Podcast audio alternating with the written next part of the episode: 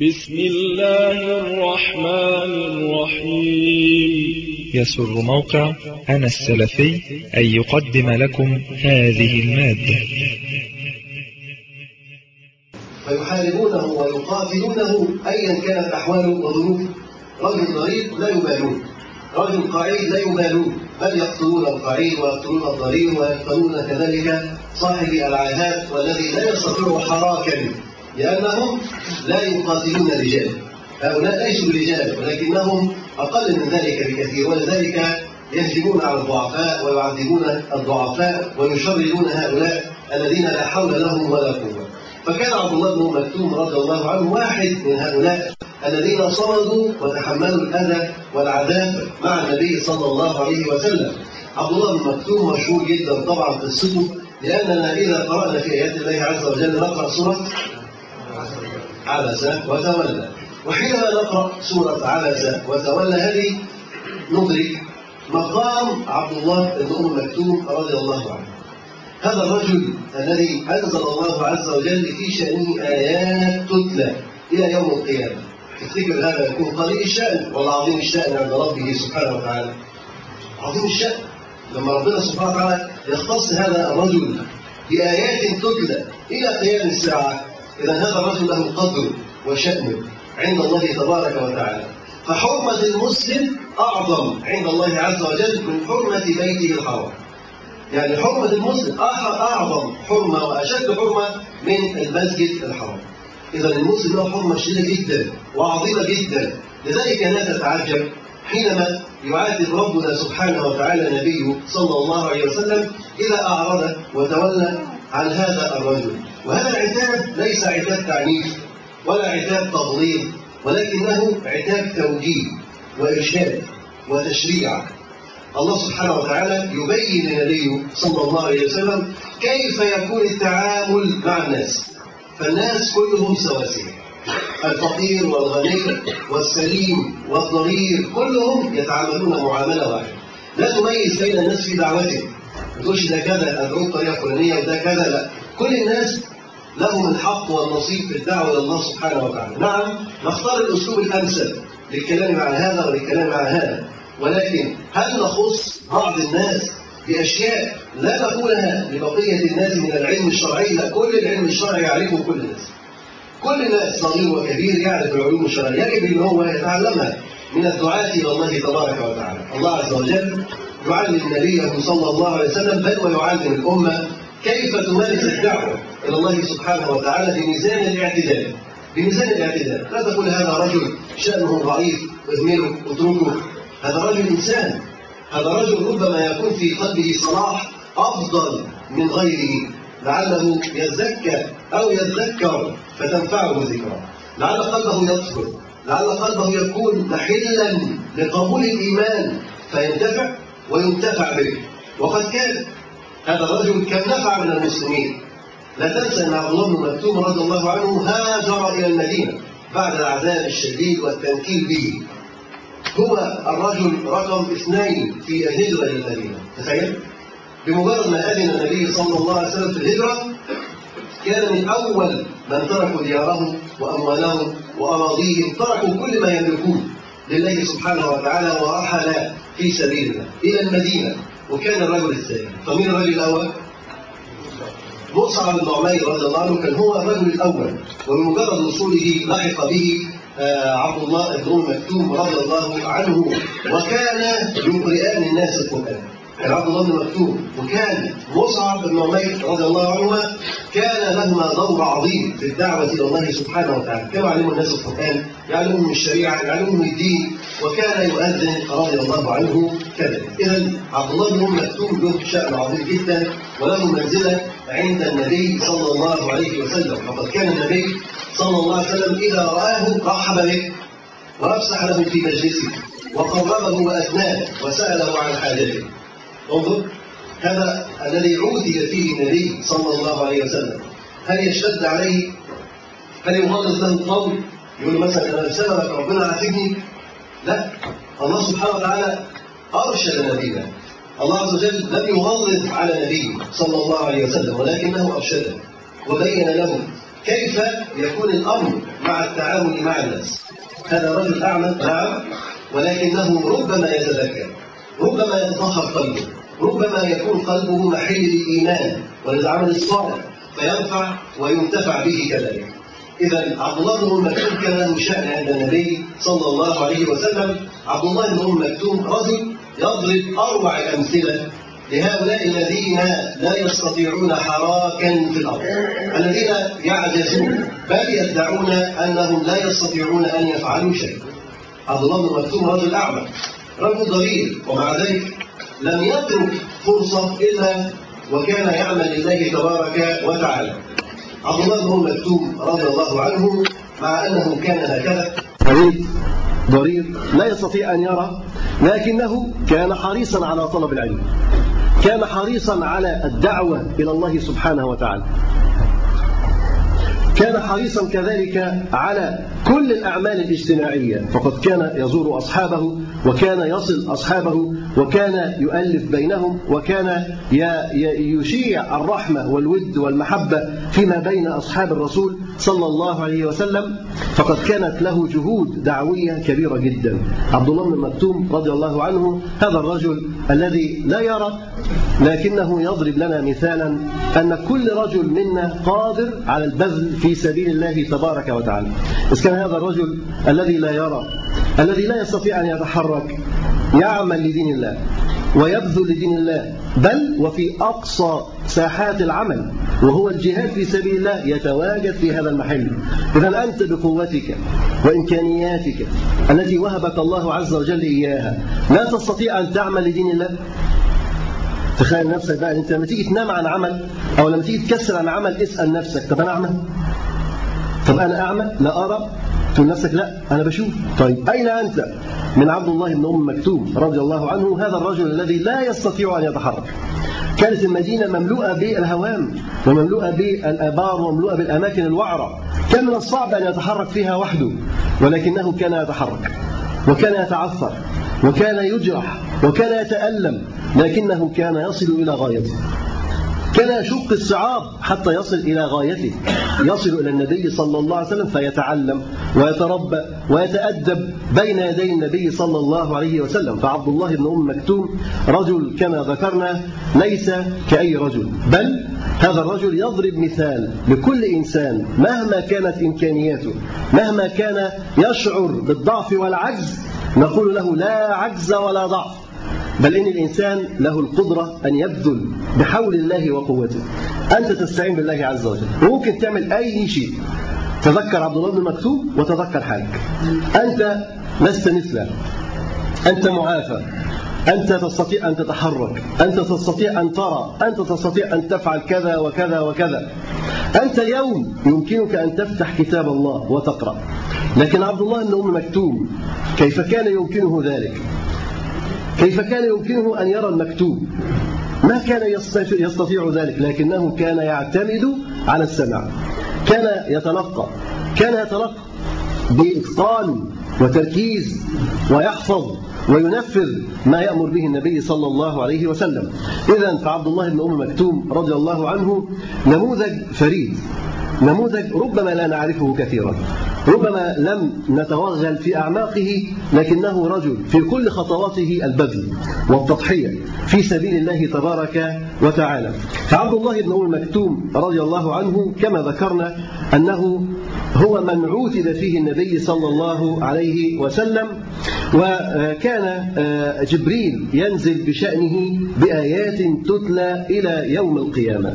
وهذه الآيات طبعا كلنا يعرفها وكلنا يقرأها في كتاب الله تبارك وتعالى. عبد الله بن أم مكتوب رضي الله عنه بشرى لأهل البلاء بشرى لأهل البلاء.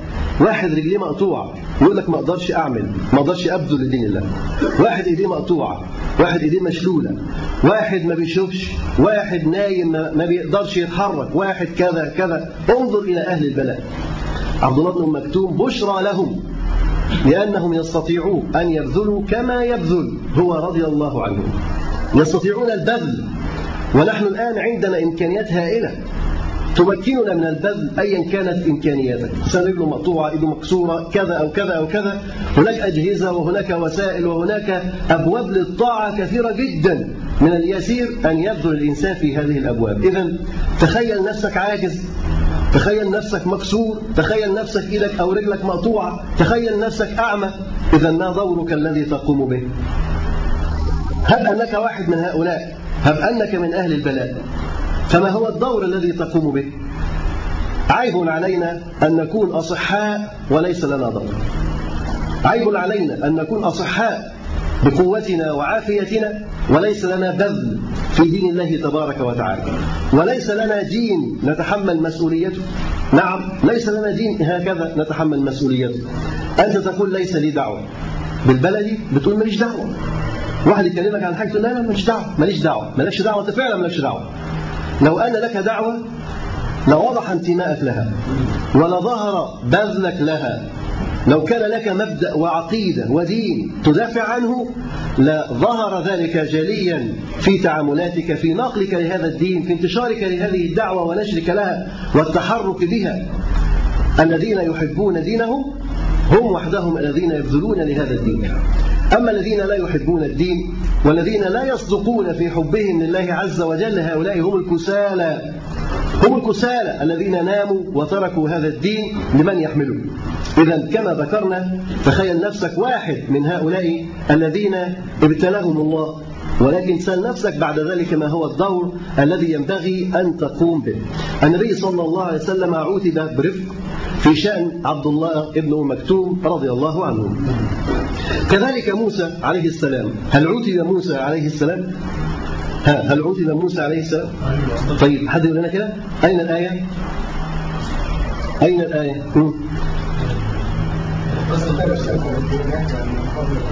قال وما أعجلك عن قومك يا موسى. تركهم وذهب. تركهم لميقاته ولميعاد ربه عز وجل. تركهم. قال وما أعجلك عن قومك يا موسى؟ قال هم أولاء على أثري. وعجلت إليك ربي لترضى. موسى عليه السلام ظن أنهم صاروا على الطريق. فتركهم. وبادر هو وسارع إلى ربه عز وجل. ولكنه كان ينبغي عليه أن يأخذ بأيديهم حتى يصل إلى موعود ربه تبارك وتعالى. قال وما أعجلك عن قومك يا موسى. إذا هناك عتاب من الله عز وجل لأنبيائه وليس نبينا صلى الله عليه وسلم وحده ولكنها كلها تدور في إطار التشريع وإطار التوجيه والذي يدعو إلى العمل لدين الله تبارك وتعالى. عبد الله بن أم مكتوم رضي الله عنه مكي قرشي تربطه بالرسول عليه الصلاة والسلام رحم. تربطه بالرسول عليه الصلاة والسلام رحم. فقد كان ابن خال أم المؤمنين خديجة بنت خويلد رضي الله عنها. هو إيه؟ ابن خالها. ابن خال خديجة رضي الله عنها. أما أبوه فقيس بن زائدة وأما أمه فعاتكة بنت عبد الله. عاتكة بنت عبد الله. وقد دعيت بأم مكتوم لأنها ولدته أعمى. وهنا خلاف يسير جدا. بعض العلماء يقول هل هو ولد أعمى؟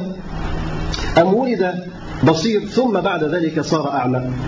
ولد بصيرا ثم صار أعمى؟ أم ولد أعمى؟ والراجح والله أعلم أنه ولد أعمى. فالذي يولد أعمى يسمى مكتوم يسمى مكتوم ولذلك سموها أم مكتوم أم مكتوم هو اشتهر عنه أنه عبد الله ابن أم مكتوم بل هناك خلاف في اسمه. يعني من الناس من العلماء من يقول إن هو اسمه عمرو ابن أم مكتوم والبعض يقول إن هو عبد الله ابن أم مكتوم والأشهر إن هو عبد الله ابن أم مكتوم والله أعلم. عبد الله بن أم مكتوم شهد مطلع النور في مكة فشرح الله صدره للإيمان وكان من السابقين إلى الإسلام مع أنه رجل لا يبصر لكنه كان يصعد إلى الصفا وكان يذهب إلى دار الأرقم وكان يلتقي بالرسول صلى الله عليه وسلم. انظر إلى المشقة التي يعانيها هذا الرجل في تحركه. لا تنظر إلى عبد الله بن أم مكتوم كرجل كأي رجل. لكنه رجل يفقد حاسة من أهم حواسه وهي البصر. الذي به يمكنه أن يسير ويتحرك وينتقل ويرى عدوه من حبيبه. لكنه يفقد هذا. تخيل أنه هو بيسير وسط مكة حتى يصل إلى مكان ما وقد يراه العدو. وقد يطشون به ومع ذلك يصير حتى يصل إلى لقاء الرسول صلى الله عليه وسلم. ولذلك عانى من العذاب ألوان كثيرة. يقول عاش ابن أم مكتوم محنة المسلمين في مكة بل ما حفلت به من تضحيات وثبات وصمود وفداء. الفترة المكية كانت مليئة بالتضحيات مليئة بنماذج الصمود مليئة بنماذج الفداء كذلك. لماذا؟ لأن هذه الفطرة كانت قريش حريصة على ضرب العمل الإسلامي في مهده. حتى لا ينبت حتى لا ينمو حتى لا يكبر. أرادت قريش أن تبتر جذور العمل الإسلامي. ولذلك كانت تحاصر النبي صلى الله عليه وسلم من بعيد. أي إنسان يقترب إليه كانت تحاربه. أي إنسان يعلم أنه أسلم كانت تعذبه. فكانت تجلس لكل من أسلموا بالمرصاد. مهما كانت مكانتهم في المجتمع مكانة عالية كأبي بكر الصديق رضي الله عنه لم يعافى من العذاب.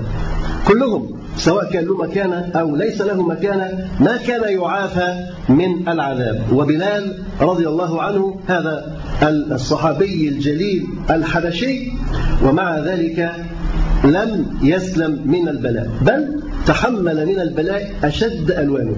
فقد كانوا يلبسونه الدروع من الحديد في نهار مكة وفي ظهيرة مكة.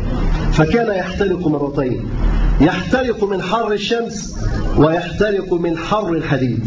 لابس درع من الحديد درع زي قميص من الحديد لابسه فيه طبعا الدروع الحديدية ديت ما هياش جديدة. ما هيش جديدة انت بتسمع النهارده مثلا أي رجل مسؤول رايح مثلا يتفرج على ماتش ولا رايح في منصة ولا رايح في أي حاجة فبيلبس إيه؟ يلبس قميص حديد. درع حديد من زمان. دي حاجة من زمان قوي.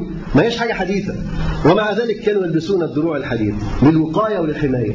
لكن التي كان يعذب فيها عبد الله ابن أم مكتوم أو بلال أو غيره لم تكن للحماية ولكن كانت للتعذيب. فكانت هذه القمصان مصنوعة خصيصا من أجل التعذيب وكأنهم كانوا يتفننون في وسائل تعذيب المسلمين. ولا غرابة في كل عصر وفي كل حين يتفننون في وسائل تعذيب المسلمين. فكان في وقتهم هذه التي يلبسونها دروع درع يلبسه زي القميص من الحديد. طبعا القميص من الحديد لما يتحط في الشمس إيه اللي هيحصل للحديد. يسخن جدا. تخيل بقى حر مكة في الظهيرة. مكة الظهيرة دي مثلا درجة الحرارة 50 45 حدود ديت يعني. ما تقلش عن كده. تخيل هذه الدرجة عندما ترتفع وتؤثر في الحديد. كيف يكون الحال؟ فكان يعاني من حر وحرق الحديد وحر الشمس التي كانوا يجلسونه فيها. وإذا خلعوا عنه هذه الدروع وضعوه على الأرض في رمضاء مكة. في رمضاء مكة يعني بعد ما تشتد درجة الحرارة في أرض مكة يضعونه على الأرض ويضعون فوقه الأحجار ويجرونه على الأرض وكلنا يعرف القصة. ويردد أحد أحد أحد أحد هكذا. كان ورقة بن نوفل يمر عليه ويقول هذا لو مات عندنا لجعلنا له مقاما لجعلنا له شأنا يعني كنا تبركنا به. كان ورقة بن نوفل كانوا هذا لو مات لو مات عندنا ده إحنا نعمل له إيه؟ نعمل له مقام نتبرك به. عند النصارى يعني لما كان يعانيه من ألوان التعذيب رضي الله عنه. فبلال بن رباح رضي الله عنه عذب عذابا شديدا وكذلك عمار بن ياسر رضي الله عنه أسرة ياسر دي كلها تأذبت عمار بن ياسر و وياسر أيضا وأم اسمها إيه؟ سمية أم عمار. سمية أم عمار. عمار بن ياسر كان يعذب وكان يضرب. ولكن حتى لا يقتل. ضرب شديد جدا. لكنه لم يرد منه أن يقتل. ولكن كانوا يريدون منه أن يعود إلى الكفر. كان شابا. كان جلدا. قويا. كانوا يريدون أن يعود إلى الكفر. حتى يكون نموذجا للشباب الذين يلتزمون ثم يعودون من دينهم. بعد ما يلتزم يرجع تاني. بعد ما يلتزم ويكون أخ يوم جاي راجع تاني على ما كان عليه في الجاهلية. فده بالنسبة له نموذج. يقول لك شوف ما عجبوش الإسلام. شوف خرج إزاي من الإسلام. ما نقولش بقى ده خرج إزاي ده اتعذب ده اتضرب ده اتقتل ده لا لا. المهم في الآخر إنه يقولوا إن ده كان في الإسلام وخرج من الإسلام. لم يثبت على دينه. ولذلك ولذلك كانوا يعذبون عمار ولكن لا يريدون قتله. والنبي صلى الله عليه وسلم يمر عليه ويجده يعذب عذابا شديدا. وهم يقولون له قل كلمة كفر يعني سب النبي صلى الله عليه وسلم. فما كان يستطيع أن يقول ولكن أحيانا من شدة الضغط عليهم يقول قولا في النبي صلى الله عليه وسلم. الرسول عليه الصلاة والسلام يمر عليه ويقول له كيف تجد قلبك؟ انت قلبك عندما تسب عندما تأتي على النبي صلى الله عليه وسلم بكلام كيف تجد قلبك؟ قلبك منشرح وانت بتسب الرسول عليه الصلاة والسلام ولا غضبان ومتضايق؟ قال مملوء بالإيمان يعني بالرسول صلى الله عليه وسلم. قال صلى الله عليه وسلم فإن عادوا فعد. يعني فإن عادوا لتعذيبك وطلب سبي فسب ولكن قلبك مملوء بالإيمان. هذا كان شأن عمار. أما ياسر فضرب حتى مات. أما سمية فرماها أبو جهل بحربة في قبولها فماتت من توها انظر إلى هذا الرجل المجرم يقتل امرأة يقتل امرأة بحربته. وكانت سمية أول شهيدة في الإسلام. انظر إلى هذا الدين. أول شهيدة في الإسلام تكون امرأة. سمية. لماذا؟ لأنها تصمد على هذا الدين. تثبت على هذا الدين. أروع أمثلة التضحية كان من اليسير أن ترتد. وهي امرأة ضعيفة ليس لها وليس لها لكنها بإيمانها ترتقي وترتفع وتعلو إلى جنات النعيم. تصمد وتصبر وتموت تقتل لكنها حتى الآن وبعد الآن وإلى قيام الساعة يخلد ذكرها أنها أول شهيدة في الإسلام. وحسبها أنها حينما ينشق القبر تخرج وتكون أول شهيدة في الإسلام. إذا الذين يبذلون للدين لا يضيع جهدهم ولا يضيع بذلهم. ولكنه محفوظ عند الله بشرط أن يكون هذا العمل ملؤه الإخلاص لله سبحانه وتعالى. أي عمل تعمله لله وأنت مخلص تأكد تيقن أنه لن يضيع لن يضيع مهما كان. أي عمل صغير كبير لا تحقرن من المعروف شيئا. طالما أنه لله سبحانه وتعالى بصدق وإخلاص فلن يضيع هذا العمل. أيضا مصعب بن عمير رضي الله عنه كان مترف في المدينة وكان معروف أنه يلبس الثوب ويلبس الحضرمي ويضع أفضل العطور وكان مترف كان شاب مدلل في المدينة لكنه بعدما سمع بمقدم بظهور النبي صلى الله عليه وسلم ذهب إليه وسمع كلامه وذهب إلى دار الأرقم وأسلم مصعب رضي الله عنه وصلى. فرآه رجل من المشركين يصلي فأخبر أمه. وأمه كانت امرأة غنية وكانت امرأة يعني عندها جبروت وقوة. فعندما سمعت بأنه يصلي وأنه أسلم ماذا فعلت؟ قبضت عليه وحبسته وسجنته أغلقت عليه الأبواب وضيقت عليه المنافذ. وهو رضي الله عنه ما زال صابرا صامدا حتى وجد فرصة للهروب فهرب وهاجر إلى الحبشة وبعدها هاجر إلى المدينة وكان له شأن عظيم في المدينة كما نعلم. وبعد ذلك خباب رضي الله عنه خباب بن أردت هذا ذاق ألوان العذاب. خباب بن أردت كان يعذب كل في اليوم مرة أو مرتين تخيل. تخيل أن رجل مثلا يحمى الحديد ويوضع على رأسه أو يحمى الحديد ويوضع على ظهره. خباب رضي الله عنه مرة جلس عند عمر بن الخطاب رضي الله عنه فعمر ألح عليه أن هو يعني يحدثه عن أشد يوم شافه في العذاب فكشف له عن ظهره كشف له عن ظهره. عمر كاد أن يغشى عليه من هول ما رأى وقال ما رأيتك اليوم؟ ما رأيتك اليوم؟ يعني لم يرى صورة أبشع من هذه الصورة التي رآها اليوم. من ظهر خباب رضي الله عنه. يحكي خباب يقول كانوا يوقدون النار. كانوا يضعون الحطب الفحم يوقدون النار. ثم يلقون خباب على هذا الحطب أو على هذه النار الموقدة. فما يطفئها إلا ودك ظهره يعني شحم ظهره هو الذي يطفئ هذه النار. تخيل إن نار متولعة على الأرض حجارة متولعة على الأرض نار يرموه على ظهره.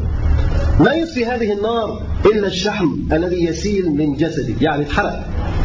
تخيل لما إنسان ظهره اتحرق بهذه الكيفية. وبعد كده هو يبدأ يتماثل للشتاء. شكله ممكن يكون شكله ده انت النهارده بعد إنسان ما يحرق ويروح عمليات تجميل و و وبيبان عليه الحق ولا ما بيبانش؟ بيبان. لا لا يمكن ما يبانش. بيبان. ما بالك إن هذا بلا عمليات تجميل وألقي على ظهره هكذا حتى عذب عذب عذاب شديد جدا. ومع ذلك يصمد ويصبر. دخل مرة على النبي صلى الله عليه وسلم في الكعبة. وهو متوسد ببردة. صلى كان حاطط بردة على كتفه صلى الله عليه وسلم في ظل الكعبة. فيقول وقد لقينا من المشركين شدة يعني المشركين اشتدوا علينا. ويعني أذاقونا. عذابا عظيما وألوانا كثيرة من العذاب. اشتدوا علينا. يقول فقلت يعني قال للنبي صلى الله عليه وسلم مع الضغط الجامد قوي مع الشدة التي لاقاها هو وأصحابه قالوا للنبي صلى الله عليه وسلم ألا تدعو لنا؟ ألا تدعو لنا؟ يعني تخيل لما الصحابة خلاص يقولوا ألا تدعو لنا؟ يعني مش قادرين نستحمل. ألا تدعو لنا؟ ومع ذلك يصمدون ويصبرون. ما أحد ارتد عن دينه. ويقول للنبي ألا تدعو لنا؟ انظر. هؤلاء الرجال الذين تحملوا الذين صبروا ما ارتد منهم واحد. هؤلاء هم الذين باعوا أنفسهم لله عز وجل. هؤلاء الذين تحملوا هذا العذاب من أجل هذه العقيدة ظلوا حياتهم يدافعون ويقاتلون من أجل نشر هذه العقيدة. هؤلاء هم العمر الأساسية التي بني عليها صرح الإسلام. هؤلاء الذين أوذوا وابتلوا وعذبوا هؤلاء الذين صبروا هؤلاء الذين كان هذا الدين على أعناقهم وعلى أكتافهم. انظر إلى بذلهم وعطائهم وصبرهم وتضحياتهم هكذا وصل إلينا الدين. ويجب أن تكون منا التضحيات والصبر والبذل حتى يصل هذا الدين إلى من بعدنا. وسيصل إلى من بعدنا لا محل ولكن شرف لك أن تكون أنت واحدا من هذه الأعمدة التي تحمل هذا الدين وترفع هذا اللواء وتتحرك به إلى الأجيال التالية. الدين سيصل سيصل إلى من بعدك.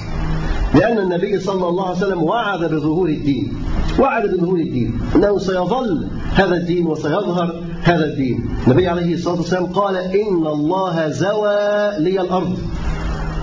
فرأيت مشارقها ومغاربها. وإن ملك أمتي سيبلغ ما زوي لي منها. النبي عليه الصلاة والسلام يقول إن الله زوى لي الأرض يعني جمع لي أطرافها جمع لي أطرافها بعد ما كانت كده منبسط جمع لي أطرافها فشاف كله. فرأيت مشارقها ومغاربها. طب وبعدين؟ وإن ملك أمتي سيبلغ ما زوي لي منها. سيبلغ هذه الدنيا. سيبلغ هذه الآفاق. بمن؟ برجال صدقوا ما عاهدوا الله عليه. فمنهم من قضى نحبه ومنهم من ينتظر وما بدلوا تبديلا. أأنت منهم؟ هو ده الشأن. إنك أنت تكون واحد من هؤلاء الذين ما بدلوا تبديلا. الذين صمدوا الذين صبروا الذين يحملون والذين يبذلون لدين الله سبحانه وتعالى. فقال من شدة ما عانى وما لاقى ألا تدعو لنا؟ ألا تدعو لنا؟ فالنبي صلى الله عليه وسلم قعد. كان متكئا فقعد. طبعا ده تغير حال. بعد ما كان متكئ جلس فقعد. وهو محمر وجهه. يعني وجه النبي صلى الله عليه وسلم إيه؟ تغير. وهو محمر وجهه. طب غضبان ولا فرحان؟ يعني الواحد وشه يحمر ده إيه؟ يبقى غضبان. وهو محمر وجهه. فقال قد كان من قبلكم. إذا يمشط بأمشاط الحديد. ما دون عظامه من لحم أو عصب. ما يصرفه ذلك عن دينه. يعني وكأنكم أنتم مش مستحملين. ده اللي كان قبلكم كان يمشط بأمشاط الحديد. ما دون لحمه وعصبه كان يمشط بأمشاط الحديد. يعني أكنهم بيشفوا واحد تخيل. يفصلوا اللحم عن العظم تخيل. وهو حي مش هو ميت. ما يصده ذلك عن دين. ما يرجع. النبي عليه يصبره. أنتم ما رأيتم عذاب ده خباب أمال أنتوا بقى أنتوا بقى حقيقة, حقيقة أين العذاب الذي رأيتموه أين؟ ده الواحد يوم ما بياخد له قفايين يقول يقول أنا ضربته واتعملته يوم ما ياخد له فوق واحد من عشرة يجي يتكهرب ويقول لك أنا جروا جروا السد العالي في جسمي السد العالي إيه ده كده؟ دي بطارية أين العذاب؟ أين الاضطهاد؟ إحنا ما شفناش حاجة نسأل الله العافية نسأل الله العافية والإنسان على قدر إيمانه ربنا عارف ان إحنا تعبانين وان إحنا ما نقدرش نستحمل حاجة وان إحنا مش قد الصدمات. ربنا بيرحمنا الله لطيف بعباده. تخيل لو ان العذاب اللي شافه أصحاب النبي عليه الصلاة والسلام إحنا بنشوفه. كنا ممكن نصمد كنا ممكن نثبت. صعب أظن. صعب. ومع ذلك النبي عليه الصلاة والسلام بيهون لهم من شأن العذاب الذي يرونه. يقول قد كان من قبلكم يمشط بأمشاط الحديد ما دون لحمه وعظمه ما يصرف ذلك عن دينه. مع إنه بيمشط ما يصرف عن دينه تمسكا بدينه ما يصرفه ذلك عن دينه. ولا يتمن الله هذا الأمر حتى يسير الراكب من صنعاء إلى حضر موت. لا يخاف أو ما يخاف إلا الله والذئب على غنمه ولكنكم تستعجلون. النبي صلى الله عليه وسلم بين له إن اللي قبلكم صمدوا أكتر منكم. لكن أبشر. أبشر. هيجي زمان يتم الله عز وجل فيه هذا الأمر. يتم نوره. ومن شدة تمام هذا الأمر أن يسير الراكب من صنعاء إلى حضر موت مسافة طويلة. ما يخاف إلا الله. والذئب على غنمه. يعني يعني من الأسباب الدنيوية أنت خايف على إيه؟ الذئب يجي ياكل حاجة من الغنم بس لكن قلبك خايف من حاجة؟ مش خايف من حاجة. ما تخاف إلا الله سبحانه وتعالى. ما تخاف إلا الله. انظر إلى حالة الأمن والاستقرار التي ستكون في البلاد. انظر إلى انتشار الدين والعقيدة بحيث إنك أنت ما تخاف شيء. إلا الذئب لما يجي يعدو على غنمك هتعمل له إيه؟ ده شيء طبيعي إن الذئب ممكن هو يهجم على غنمك ياكلها. ما يخاف إلا الله والذئب على غنمه. لكنكم تستعجلون. مع هذا العذاب الشديد تستعجلون. ولذلك تنظر أول الحديث لما يأتي خباب إلى النبي عليه الصلاة والسلام ويقول ألا تدعو لنا؟ فقعد النبي صلى الله عليه وسلم. محمر وجهه. غضب غضب مش قادرين تصبروا شوية؟ مش قادرين تصبروا شوية؟ عجب والله عجب. أصحاب النبي عليه والسلام كم تحملوا؟ والنبي صلى الله لهم مش قادرين تصبروا شوية؟ لسه. ده اللي قبلكم كانوا بيتعذبوا أكتر منكم.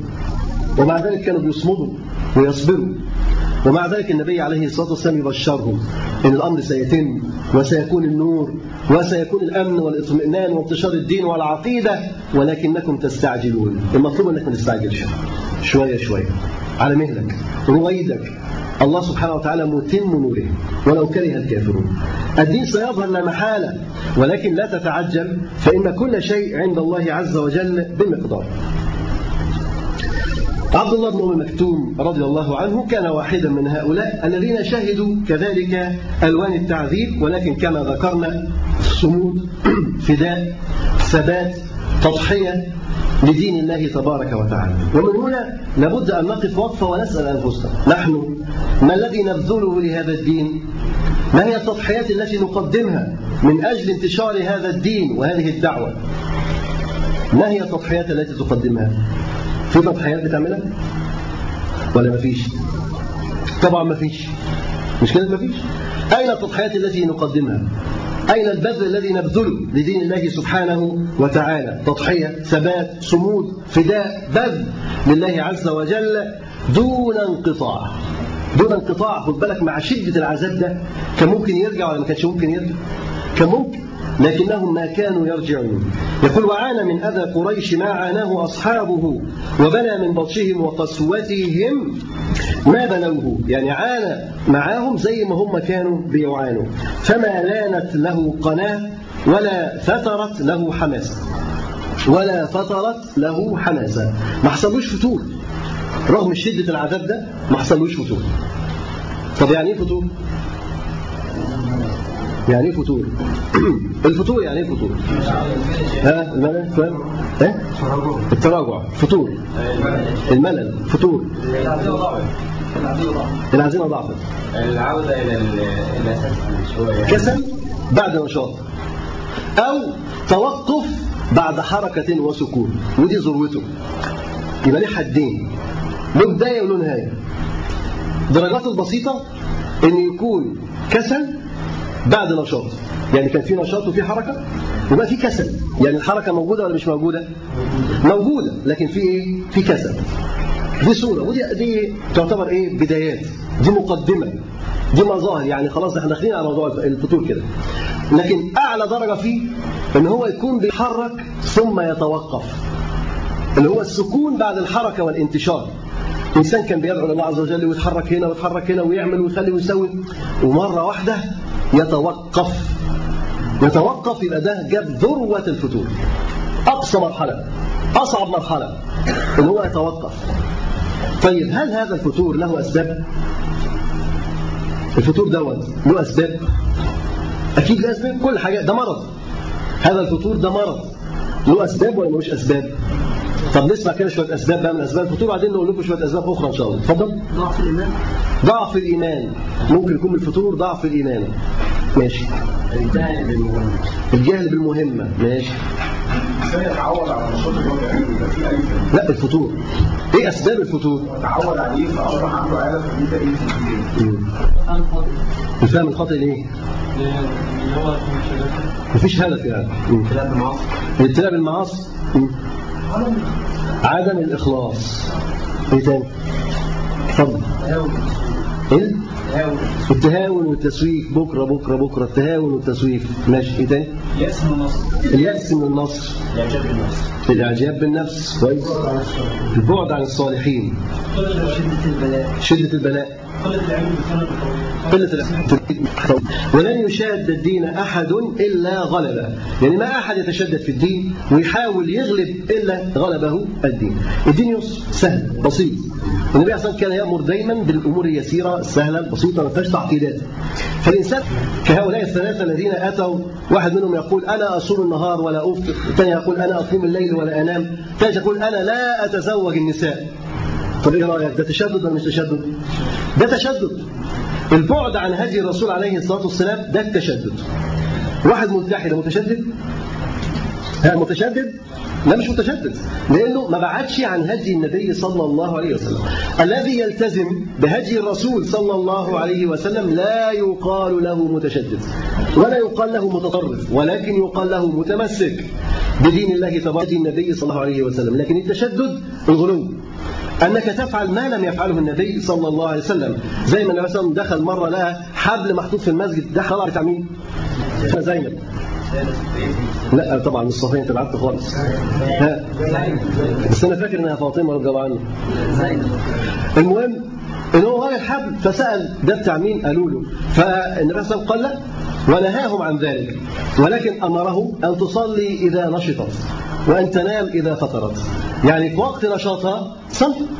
تعبت وكسلت نام. لأنك أنت ممكن تيجي تسجد تقول يا رب اغفر لي تري على نفسك. يبقى أنت جبته لنفسك صح؟ لا فأنت اعقل صلي حينما يكون عندك النشاط. فالسبب الأول وهو الفتور آه، هو الغلو والتشدد في الدين. وقال النبي صلى الله عليه وسلم إن لكل عمل شرة ولكل شرة فترة لكل عمل شرة يعني شرة واضح أهو بصوا كده. لكل عمل شرة يعني فترة نشاط.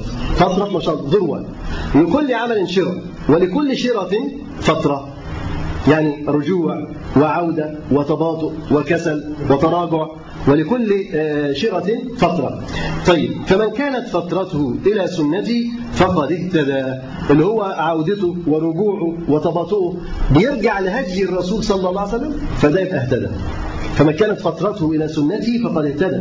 لأن في واحد بيفضل يعمل أعمال كثيرة جدا جدا جدا. يعني النبي عليه الصلاة والسلام أمرنا إحنا نصوم اثنين وخميس 13 14 15 واحد يوم جاي مشدد على نفسه شويتين. ويصوم كل يوم ويفطر بس الجمعة يصوم كل يوم ويفطر الجمعة. هو كده إيه؟ زودها على نفسه شوية. مش كده؟ طب ده ممكن يجي له فطور ولا مش ممكن؟ ممكن يجي له فطور. طب ده لما يجي له فطور ويصوم الاثنين والخميس و13 و14 و15 يبقى كده صح. يبقى هو كده اهتدى للسنة. واضح الكلام؟ يبقى هو كده اهتدى للسنه أو يوم جاي صايم يوم ويفطر يوم. يبقى برضه اهتدى إيه؟ يبقى فترته قوته ونشاطه لما رجع رجع على هج رجع على سنة رجع على دين اللي يبقى حاله كده يبقى ده كويس. فمن كانت فترته إلى سنتي فقد اهتدى. السبب الثاني طبعا ومن كان إلى غير ذلك فقد ضل السبب الثاني الصرف ومجاوزة الحد في تعاطي المباحات. الصرف الإسراف الصرف. ومجاوزة الحد في تعاطي المباحات. الشيء بتبقى مباحة أكل مباح شرب مباح نوم مباح فسحة مباحة كل الحاجات دي مباحة لكنه بيكتر منها. تبص تلاقيه مشغول بالأكل. مشغول بالأكل هي القصة كلها أكل. أول ما يصحى من النوم راح هنفطر إيه؟ بعد ما يخلص فطار طب راح نتغدوا إيه؟ طب هو لسه بنتغدى طب يا ترى هتعشونا إيه؟ ويفضل يفكر ديت في ديت وديت في ديت رابط عامل لحام لحم كل وجبات مع بعضيها. ده مشغول بالأكل. غيره مشغول بالنوم مع إنه مباح. مشغول بالنوم يقوم من النوم ينام تاني. يقوم من النوم ينام تاني. كل ما يصحى ينام. ده مشغول بالنوم وبعدين يقول لك أنا بريح جسدي. وإن لجسدك عليك حقا. يتأول. يا إخوانا هو لسه إدى بقيه الراحة لبقيه الأعضاء. لازم يبص ويقوم ويتحرك وينشط ويدعو ويعبد ويصلي ويصوم ويعمل. مقضيها نوم. يقضي في ال 24 ساعة 12 ساعة نوم.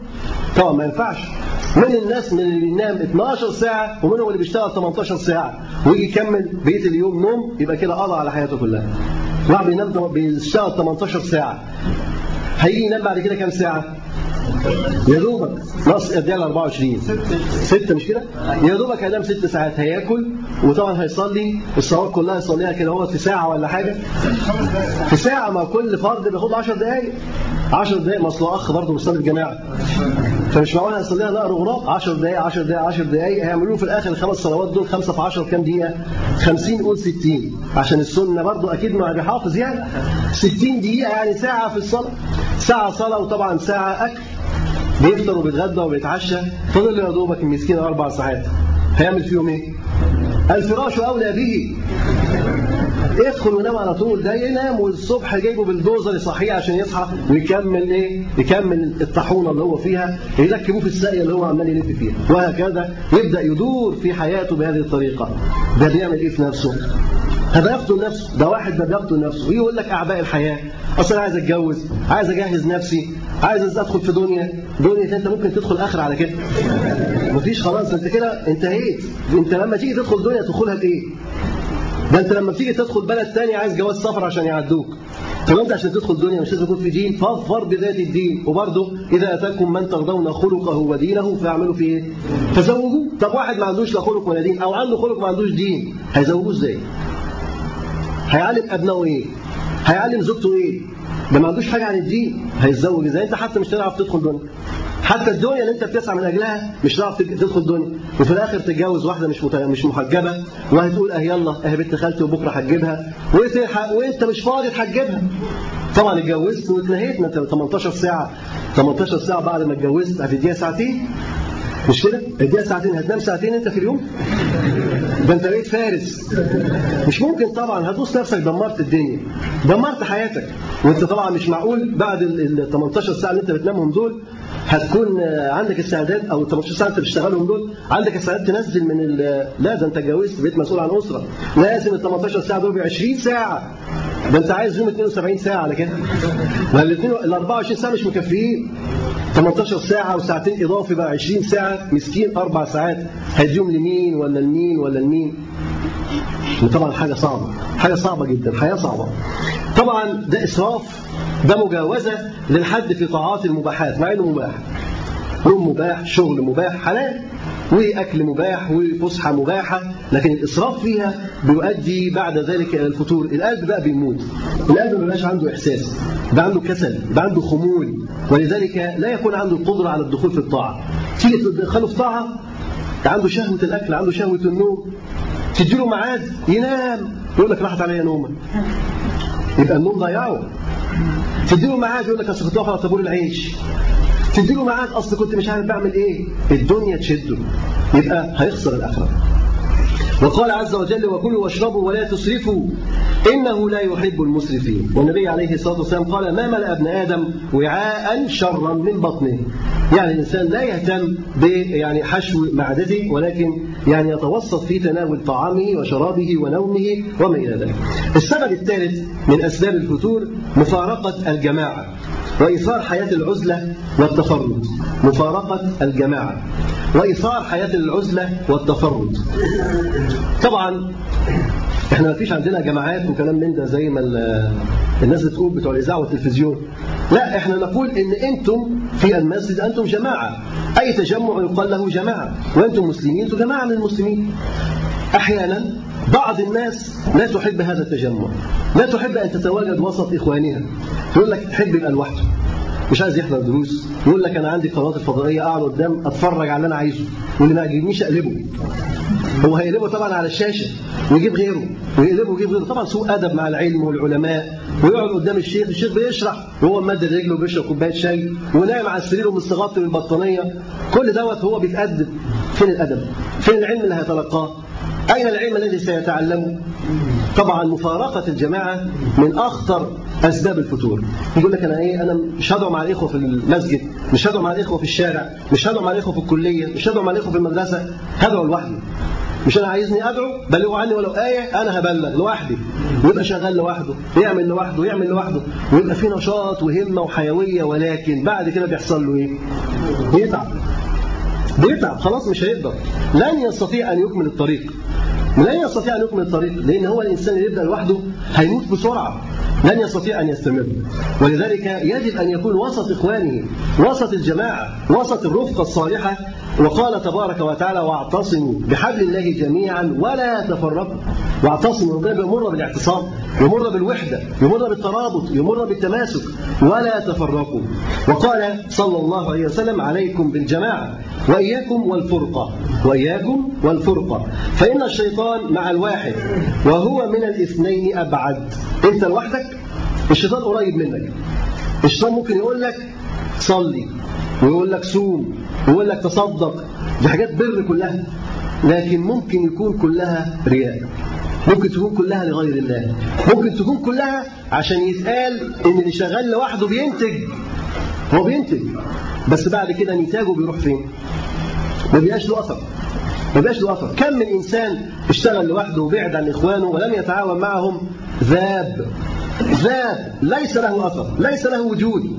أنت بإخوانك. انت لك وجود بإخوانك انت لك قيمة بإخوانك. لو ما فيش إخوانك حواليك أنت ليس لك قيمة.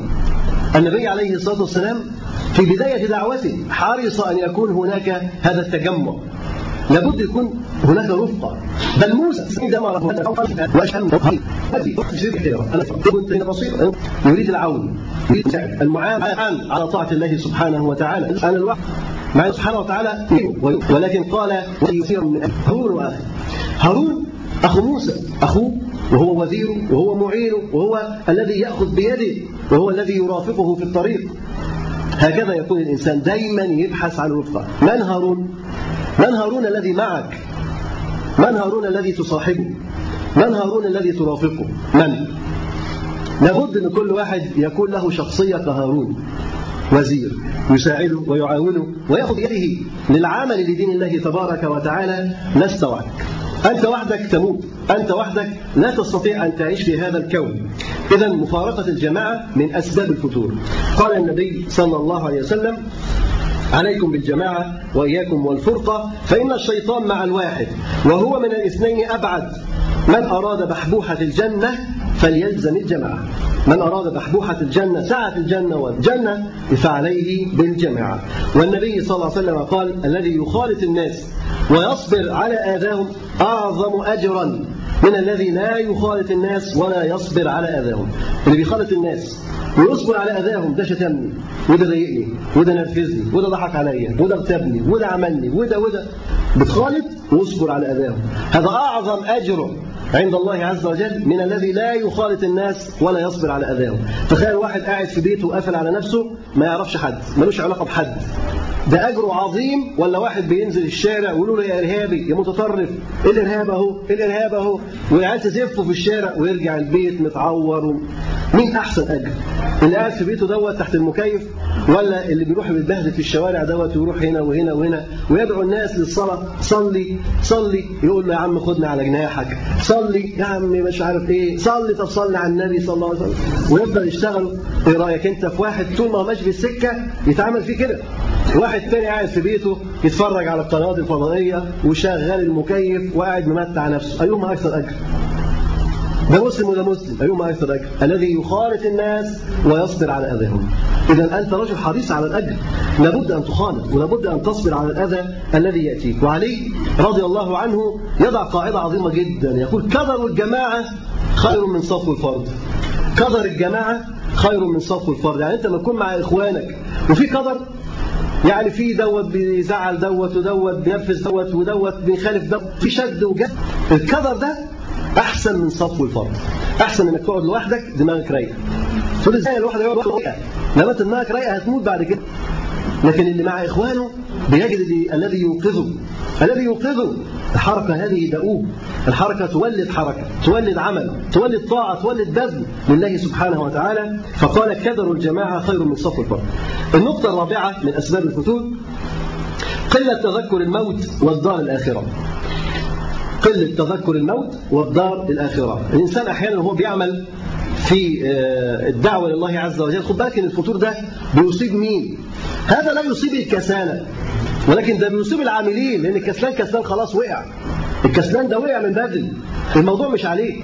ده الموضوع على واحد بيتحرك في الدعوة إلى الله سبحانه وتعالى. بيعمل لدين الله عز وجل. ده لما يجي له فتور إيه أسباب فتوره ده؟ فبنقول إن أسباب فتوره قلة تذكر الموت والدار الآخرة. من كتر دعوته ومن كتر حركته ومن كتر انشغاله بالخلق نسى نفسه. نسى إن هناك قبر ان هناك سؤال هناك حساب نسى. لما ينسى يأتيه هذا الفتور. في مرة تبص تلاقيه بيمل ييأس من دعوة الناس ييأس من تحمل أذاهم وبلاهم فتجده يبطئ في العمل يتكاسل عن العمل. لكنه لو تذكر القبر وما فيه من سؤال وتذكر القيامة والوقوف بين يدي الله سبحانه وتعالى وأنه سيسأل وأنه يحتاج إلى الأجر والثواب. تفتكر ممكن هو يكسل طول ما بيفتكر الآخرة مش ممكن يكسل النبي عليه الصلاة والسلام يقول كنت نهيتكم عن زيارة القبور فزوروا القبور فإنها تزهد الدنيا. تخليك زاهد في الدنيا مش مرتبط بيها مش في قلبك تبقى الدنيا مش شغلاك وتذكر الآخرة. تذكرك بلقاء ربك سبحانه وتعالى وإن أنت في ميزان هيتحط يوم القيامة. توزن عليه الأعمال فمن يعمل مثقال ذرة خيرا يرى ومن يعمل مثقال ذرة شرا يرى هتشوف أعمالك وهتتوزن عليك الأعمال وهتشوف أنت فين. هتشوف سجلاتك تاخد باليمين ولا تاخد بالشمال وانت حسابك إيه؟ هتشوف موقفك والعرق منك قد إيه؟ لركبتك ولا الحقويك ولا بيغطيك العرق ولا الشمس تدنو منك قد إيه؟ لما انت تفكر في الموقف دوت وتفكر وانت بعد ال- الأزمة دي وبتمر على الصراط طب يا ترى هجري ولا همشي ولا هزحف ولا هقع ولا هعمل إيه؟ الوضع شكله إيه؟ على الصراط في ناس بتمر كالبرق أسرع من الريح. في ناس بتمر كأجاويد الخيل كرقائب الإبل زي الإبل القوية المتينة بتجري. خيل بيجري واحد بيجري على رجله واحد بيمشي على رجله واحد بيقوم شوية ويقع شوية. إيه رأيك بقى ده؟ إيه رأيك في الناس دول؟ واللي بيجري بسرعة ما تلحقش الكناليب تخطفه لكن اللي بيمشي على مهله وبيقوم ويقع تخطفه الكناليب تخمشه الكناليب تحدفه في النار والعياذ بالله. على الصراط نورك على قد أعمالك. من الناس اللي نورهم مد بصره. شايف قدامه كتير مد بصر. شايف. ومنهم اللي نوره تحت إبهامه. على قد صبعك الكبير. تخيل إن الدنيا ضلمة. ويا دوبك النور على قد صبعك الكبير. يبقى الحركة بتاعتك قد إيه بطيئة ولا سريعة؟ لو الإنسان تذكر هول هذه المواقف وأنه لا ينجيه منها إلا العمل لدين الله سبحانه وتعالى هل يخطب؟ هيكسل؟ هينام؟ هيقول كفاية كده؟ لا حتى لو الناس قالت له كفاية هو برضه يستمر في الدعوة هو اللي عايزهم هو اللي عايزهم الناس ديت رأس مالك انت اللي محتاجهم مش هم اللي محتاجينك. نعم هم يحتاجون إليك أحيانا لكن انت اللي محتاجهم من الدرجة الأولى لأنك بهم تنجو من النار. لأن يهدي الله بك رجلا واحدا خير لك من حمر النعم. لأن يهدي الله بك رجلا واحدا خير لك مما طلعت عليه الشمس. تخيل إن واحد ربنا بيهديه على إيديك ويستمر يعمل لدين الله ويتحرك في دين الله كم من الأجر والثواب يعود إليك. اجر عظيم جدا انت اللي محتاجه. اذا تذكر الآخرة وتذكر الموت يمنع الإنسان من الفتور. لكن عدم تذكر الآخرة هو دوت اللي يكون سبب من أسباب إيه؟ أسباب إيه؟ أيوة خليفة صحيح. من أسباب الفتور. السبب الكام ده؟ اللي جاي؟ الخامس. السبب الخامس التقصير في عمل اليوم والليلة. التقصير في عمل اليوم والليلة. التقصير في عمل اليوم والليلة دي آفة ومشكلة. وتصيب من؟ تصيب الدعاء والعاملين. بسبب ماذا؟ بسبب كثرة الأعباء وكثرة الأعمال. تبص لي أعباء كثيرة. طب صليت السنن؟ يقول لك ما لحقتش. طب ختمت الصلاة؟ سبحت بعد ما لحقتش طيب صليت مثلا القيام؟ ما قدرتش.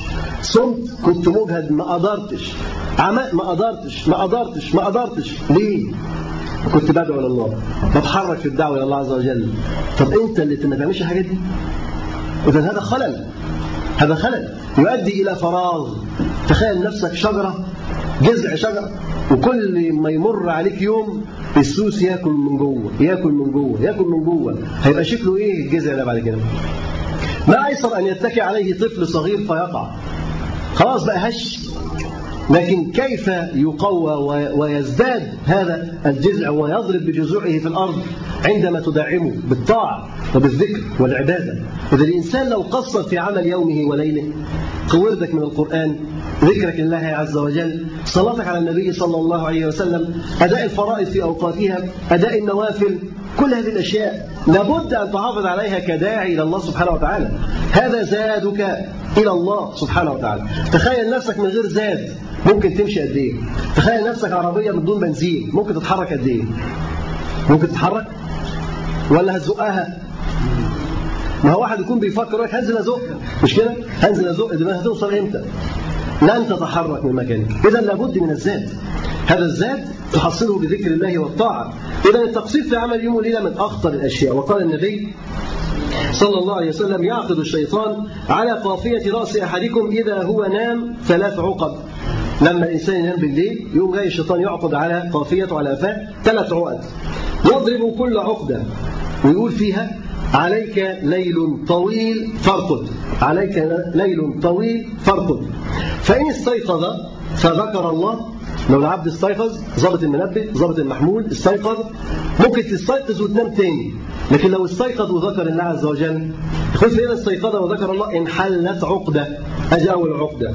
وإن توضأ انحلت عقدة. فإن صلى انحلت عقدة. طب لو هو من أول عقدة قام جاي ينام تاني؟ خلاص العقد بقى كلها كركبت فوق بعضها ويبيت يبول الشيطان في أذنه. ذاك رجل بال الشيطان في أذنه. شوف تخيل لما ودنك تبقى دورة مية للشيطان حاجة حاجة صعبة جدا مش كده؟ تخيل كل يوم ودنك دورة مية. كل يوم كل يوم. فاتحها مرحاض طبعا ما ينفعش. فيجب الاستيقاظ بصلاة الفجر وأداء الطاعات في أوقاتها. يقول إذا توضأ انحلت عقدة وإذا صلى انحلت عقدة. فأصبح نشيطا طيب النفس. يصبح ثاني يوم بقى تحس إنك من أول النهار نشيط كده أهو حاسس بقوة ونشاط طيب النفس. وإلا لو ما الصحاش والعقد فضلت مربوطة على قفاه زي ما هي وإلا أصبح خبيث النفس كسلان. يبقى قايم الساعة 11 وقايم يقول لك يا دماغي مصدعه عايز انام شوية. إذا أنت نايم من امبارح لغاية الساعة 11 ولسه قايم مصدع؟ ولسه قايم تعبان؟ آه ما هو ده. خبيث النفس كسلان. خبيث النفس كسلان. لكن واحد يستيقظ صلاة الفجر كده تحس بالنشاط. ويقعد شوية ويعمل ويخلي ممكن ينام ساعة ساعتين بعد كده مش مشكلة. المهم إن هو استيقظ وفك العقد والشيطان لم يبول في أذنه واستيقظ لطاعة الله وعبادة الله سبحانه وتعالى. التقصير في عمل اليوم والليله من أخطر الأسباب المؤدية إلى فتور الدعاء وفتور العاملين لدين الله سبحانه وتعالى. السبب السادس دخول جوفه شيء من محرم. إن الإنسان يعني يبقاش عنده ورع ويأكل شيء حرام فتراكم هذا الشيء الحرام ممكن يكون سبب من اسباب إن هو يعني يحرم العمل لدين الله سبحانه وتعالى. والنبي صلى الله عليه وسلم يقول دع ما يريبك إلى ما لا يريبك. حاجة فيها شك اتركها إلى شيء لا شك فيه. ما يبقاش أنت مثلا داعي لله عز وجل وشايف فلوسك في البنك ولسه بتتعامل بالربا. إزاي ينفع كده؟ ما ينفعش إنك تكون داعي لله عز وجل وفلوسك اللي أنت بتتاجر فيها فيها شبهة أو فيها شك. أن تكون طاهرة خاليه من أي شيء. النبي صلى الله عليه وسلم مر في ذات مرة على تمرة موجودة في الأرض فتركها. مر على تمرة موجودة في الأرض فتركها. ما رضاش يأخذها. فلماذا لم يأخذها؟ قال صلى الله عليه وسلم قال صلى الله عليه وسلم لولا أني أخاف أن تكون من الصدقة لأكلتها.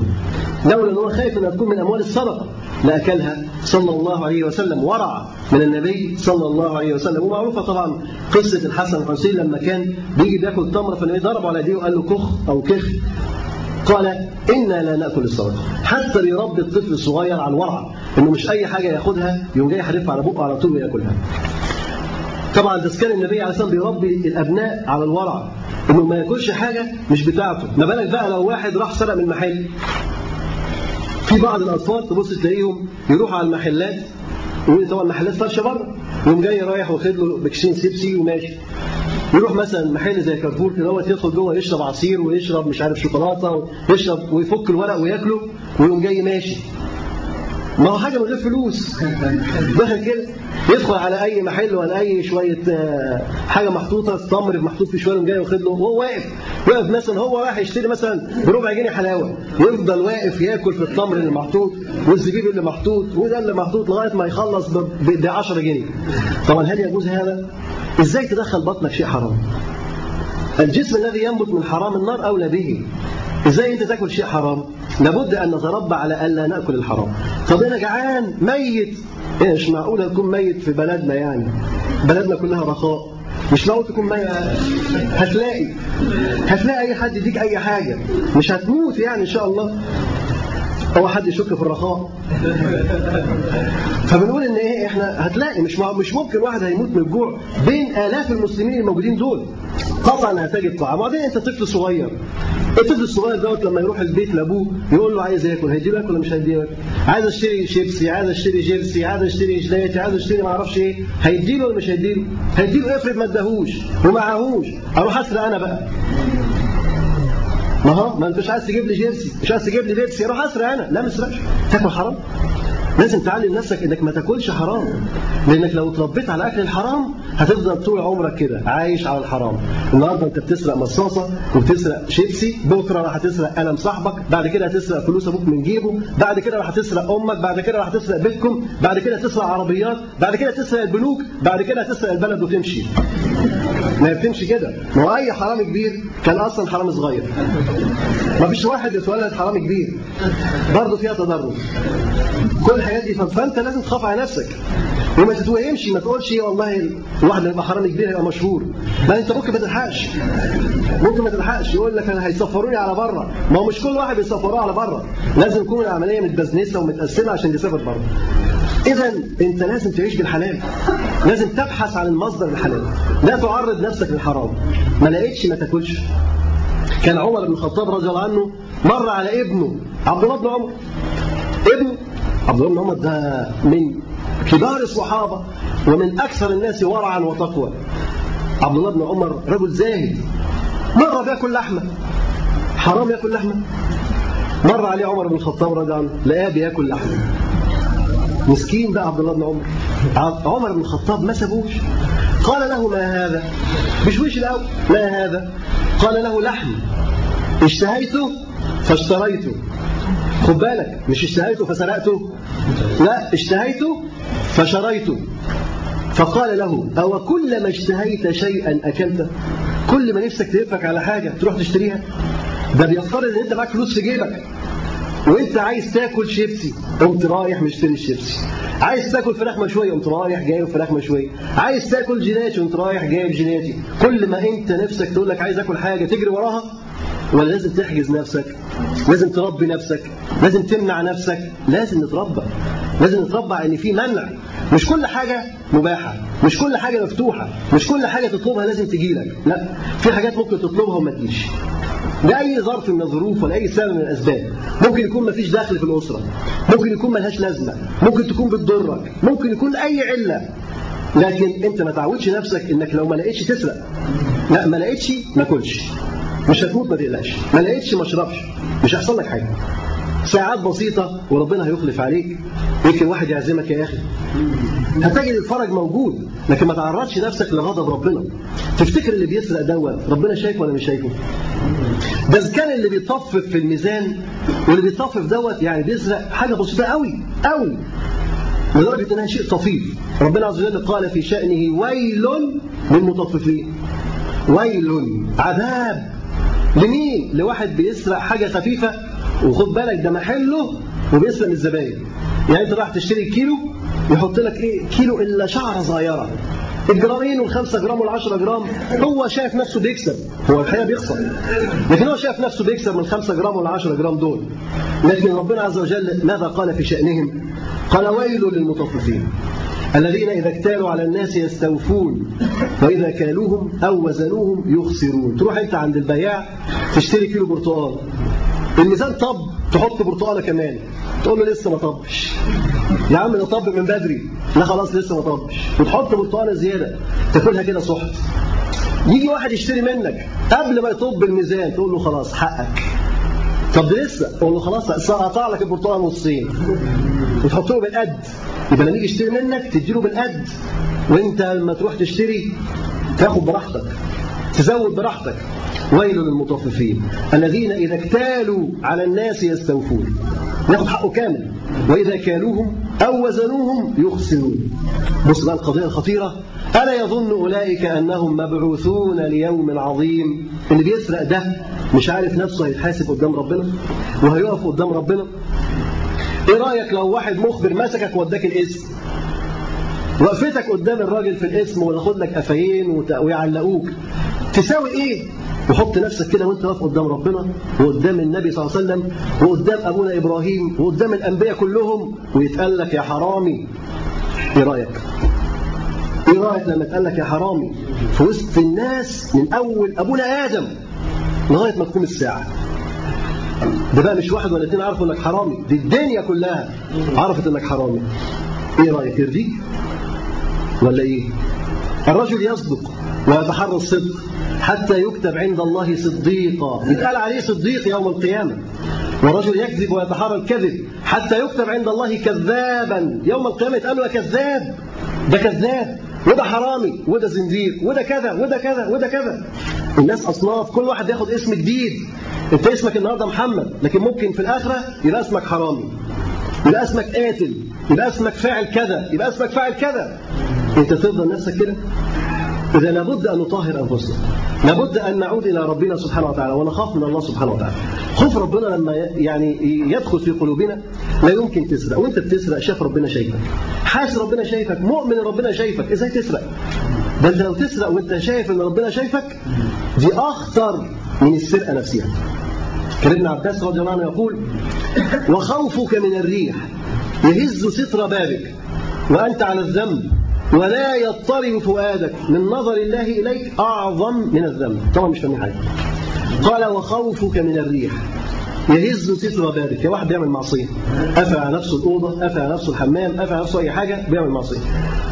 الباب اتهز. قلبك إيه اللي بيحصل له؟ قلبك بيتهز معاه. صح خايف من إيه؟ خايف من الريح مش خايف من ربنا. قلة خوفك من ربنا أعظم من الذنب اللي أنت بتعمله مهما كان الذنب. انظر. عدم خوفك من الله خايف من الريح اللي بيهز ستر بابك خايف من الباب اللي اتحرك ومش خايف من ربنا ومش خايف من نظر ربنا إليك. عدم خوفك ده أعظم من الذنب اللي أنت بتعمله. لو كنت بتعمل ذنب وزره أو السيئات اللي عليه كذا سيئة. خوف عدم خوفك من ربنا أعظم أعظم من اللي أنت بتعمله ده بكتير. إذا اللي بيسرق ممكن يكون بيسرق لكن لما يكون حاسس إن ربنا شايفه ويسرق يعني لا يقدر ولا يحترم نظر الله عز وجل إليه أعظم من السرقة اللي هو سرقها. أنت سرقت إيه؟ وتساوي كام؟ حاجات بسيطة لكن عدم خوفك من ربنا يساوي قد إيه؟ ده كتير جدا جدا جدا. اذا هذه المسائل لابد أن ننظر لها بعين الاعتبار. لابد أن نراقب أنفسنا لازم الورع لازم الورع يكون في حياتنا. فيقول هنا إن إن كثرة الذنوب والمعاصي هي التي تورط الإنسان في هذا الباب. فقال دخول جوف من الحرام دخول شيء من الحرام في جوف. دخول شيء من الحرام في جوفه. طبعا واحد بيأكل حرام. تفتكر هيستمر في دعوته إلى الله؟ ولا يجي في يوم من الأيام يقول ضميره هيأنبه. بعدين يقول لك أنا برضه بسرق وادعو إلى الله. طب أعمل إيه؟ أسيب السرقة ولا أسيب الدعوة؟ الشيطان يخليه يسيب الدعوة. دخل انتخابات أصلا الشيطان لازم يخلي الدعوة هي اللي تتسال يقول لك خلاص سيب الدعوة. تبص ليه ما بيجيش يصلي؟ ليه؟ أصله بس. ما بيجيش ليه؟ أصله ما بيجيش أصله ما بيجيش. يفضل بقى شغال في الموضوع ده. يبعد عن الطاعة. يبعد عن العبادة. فيسقط. أنت عايز نفسك كده؟ الإنسان لابد أن يعود إلى الله سبحانه وتعالى. أيضا من الأسباب اقتصار العامل على جانب واحد من جوانب الدين. من أسباب الفتور اختصار العامل يعني الداعي الله عز وجل على جانب واحد من جوانب الدين. طبعا جوانب الدين كثيرة. من حيث الدراسة الدراسة مثلا فقه وعقيدة وتفسير علوم شرعية كثيرة جدا. وهناك أيضا أعمال اجتماعية وهناك أيضا أعمال تعبدية الإنسان ممكن يقوم بيها حاجات كثيرة جدا. ففي واحد يهتم فقط بجانب معين ليكن الخدمات الاجتماعية. تبص تلاقيه مقضي يومه كله في خدمة المجتمع. كويس. بس كتر الخدمة دوت من غير ما يكون في توازن مع بقية الأشياء يؤدي إلى فتور.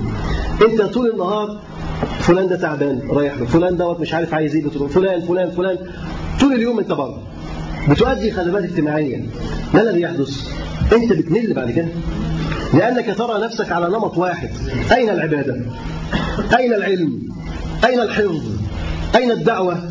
أين الدراسة؟ تلاقي حاجات كتير جدا ناقصاك. تعمل إيه؟ تعمل وزن غلط. تقوم قايل أنا هسيب كله. وابدأ من الصفر من جديد. وتبدأ تهد اللي انت بتعمله وتبدأ من جديد. أو واحد يبدأ في دراسته يقول لك أنا هدرس الأول الفقه أو هدرس العقيدة أو هدرس كذا يفضل دارس. هتقفل الضفدع اللي معاك دي.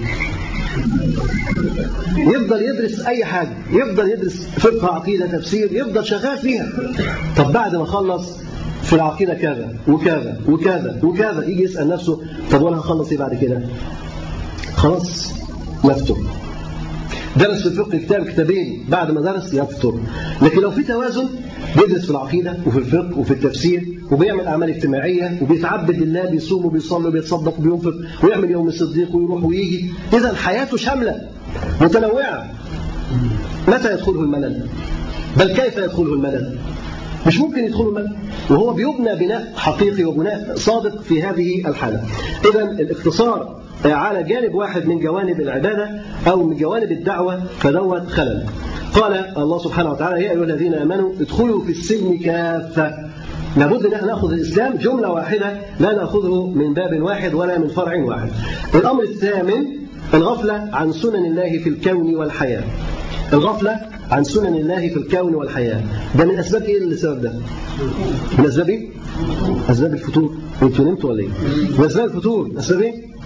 من أسباب الفتور السبب الثامن وهو الغفلة عن سنن الله في الكون والحياة. طب يعني إيه الغفلة عن سنن الله في الكون والحياة؟ يعني إيه الغفلة عن سنن الله في الكون والحياة؟ قول. قول. يعني إيه الغفلة عن سنن الكون والحياة؟ يعني إيه الغفلة؟ نعم إيه تاني؟ يعني كل ما زاد يعني مثلا حديث الرسول كل ما زاد في يوم المرء له في البلاء يعني هو مرحلة يعني إحنا بنقول هنا الغفلة عن سنن الله في الكون والحياة. عدم التفكر في الآيات. لا لسه. استبقاء النصر والتمكين دي دي موضوع تاني برضه لسه برضه شوية. ها؟ حاجة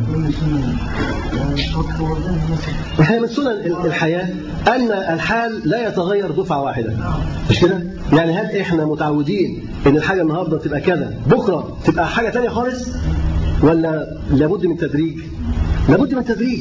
الإنسان أحيانا يغفل هذه السنة إن كل شيء يحتاج إلى أشياء كثيرة تحتاج إلى التدرج في تغييرها.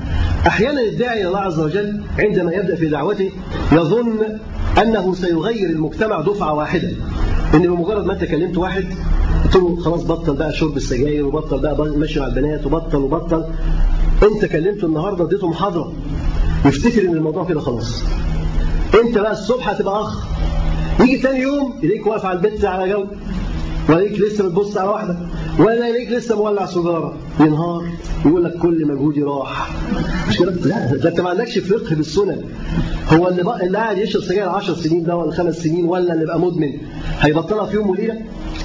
إحنا نقول له بطلها في يوم وليلة. لكن انت لازم تتوقع ان ممكن الشيطان يضحك عليه وواحد من شياطين الإنس يقول له انت هتعمل فيها شيخ يا عم خد عفر يا عم خد اشرب يا عم خد لك نفسين يا عم يا عم ممكن تلاقي منه كتير لازم تتوقع إن السكة فيها شياطين إنس وجن فممكن شياطين الإنس تكذبه ما يقول له يا عم هتسيب البنات دول كلهم لمين؟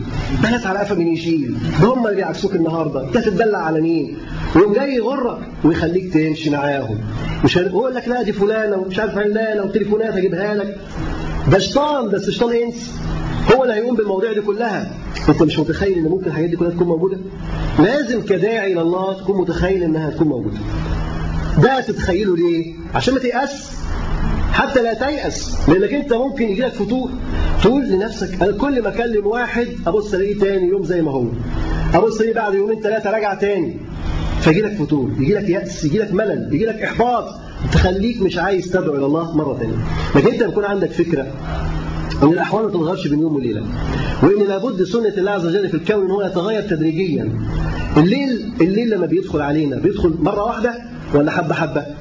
النهار بيطلع مرة واحدة ولا حبة حبة؟ كله بيبقى رفق رفق رفق شوية شوية. ينتقل الحال من حال إلى حال. كذلك البشر يحتاجون إلى فتره التغيير. مجتمع بحاله عايز تغير ثقافته. اتربى على ثقافة معينة لسنوات طويلة. عشان تغير ثقافته تفتكر بمجرد خطبة هتقولها أو درس هتقوله أو شوية إعلانات في الجرايد أو تطلع على شوية قنوات فضائية وتفضل تتكلم شهر اثنين ثلاثة عشرة. تفتكر أنت كده غيرت المجتمع؟ أو أنت متوقع المجتمع يكون اتغير؟ لا ده إحنا ممكن نقول لك على أحسن الأحوال إن أنت بدأت تحط بذور تغير. كل ده آه كل ده. المجتمع أصله بيشرب الانحراف. المجتمع بيشرب الجاهلية. بيشربها غصب عنه بيتشرب بيها. انت عشان تبدأ تج- تجففه وتنظفه وتفضيه وتحط جديد موضوع كبير. محتاج وقت ومحتاج جهد. لا نقول إن الطريق طويل فأنت تمل. لا نقول إن الطريق طويل فتزود. لابد إن أنت تعد نفسك إن الطريق أصلا طويل. فالذين لا يعتبرون أن الطريق طويل وأنه شاق يملون بسرعة. ويسقطون في الطريق. قطار الدعوه بيجري وفي ناس كتير بتقع منه. الذي لا يصمد الذي لا يعرف السنن الكونية الذي لا يعرف هدفه هو الذي يسقط من القطار لكن اللي أهدافه واضحة اللي عقيدته قوية اللي إيمانه ثابت. هذا يصمد يصمد ويثبت بإذن الله تبارك وتعالى. الغفل عن سنن الله في الكون. أيضا النقطة التاسعة التقصير في حق البدن. بسبب ضخامة الأعباء وكثرة الواجبات وقلة العاملين. بيقول التقصير في حق البدن التقصير في حق البدن. بسبب ضخامة الأعباء وكثرة الواجبات وقلة العاملين. بتقصر في حق بدنك. يا حبايبي نتكلم العاملين اللي هم فعلا بيبذلوا وبيتحركوا. لكن الناس الكسلانين والناس النايمانه والناس ما بتعملش حاجة ده الكلام ده تسمعه. لكن الذين يعملون ويبذلون أوقاتهم كلها لله سبحانه وتعالى هؤلاء الذين نقصدهم بالحديث. دول أحيانا ممكن يجي لهم نوع من الملل نوع من الفتور. ليه؟ الاعمال كتيرة جدا. كل حاجة هو اللي بيعملها. كل حاجة محدش يعرف يعملها غيره. حقيقة محدش يعرف يعملها غيره. ولو غيره عملها تتلف تفسد. إذا مين اللي يشرح كذا؟ فلان.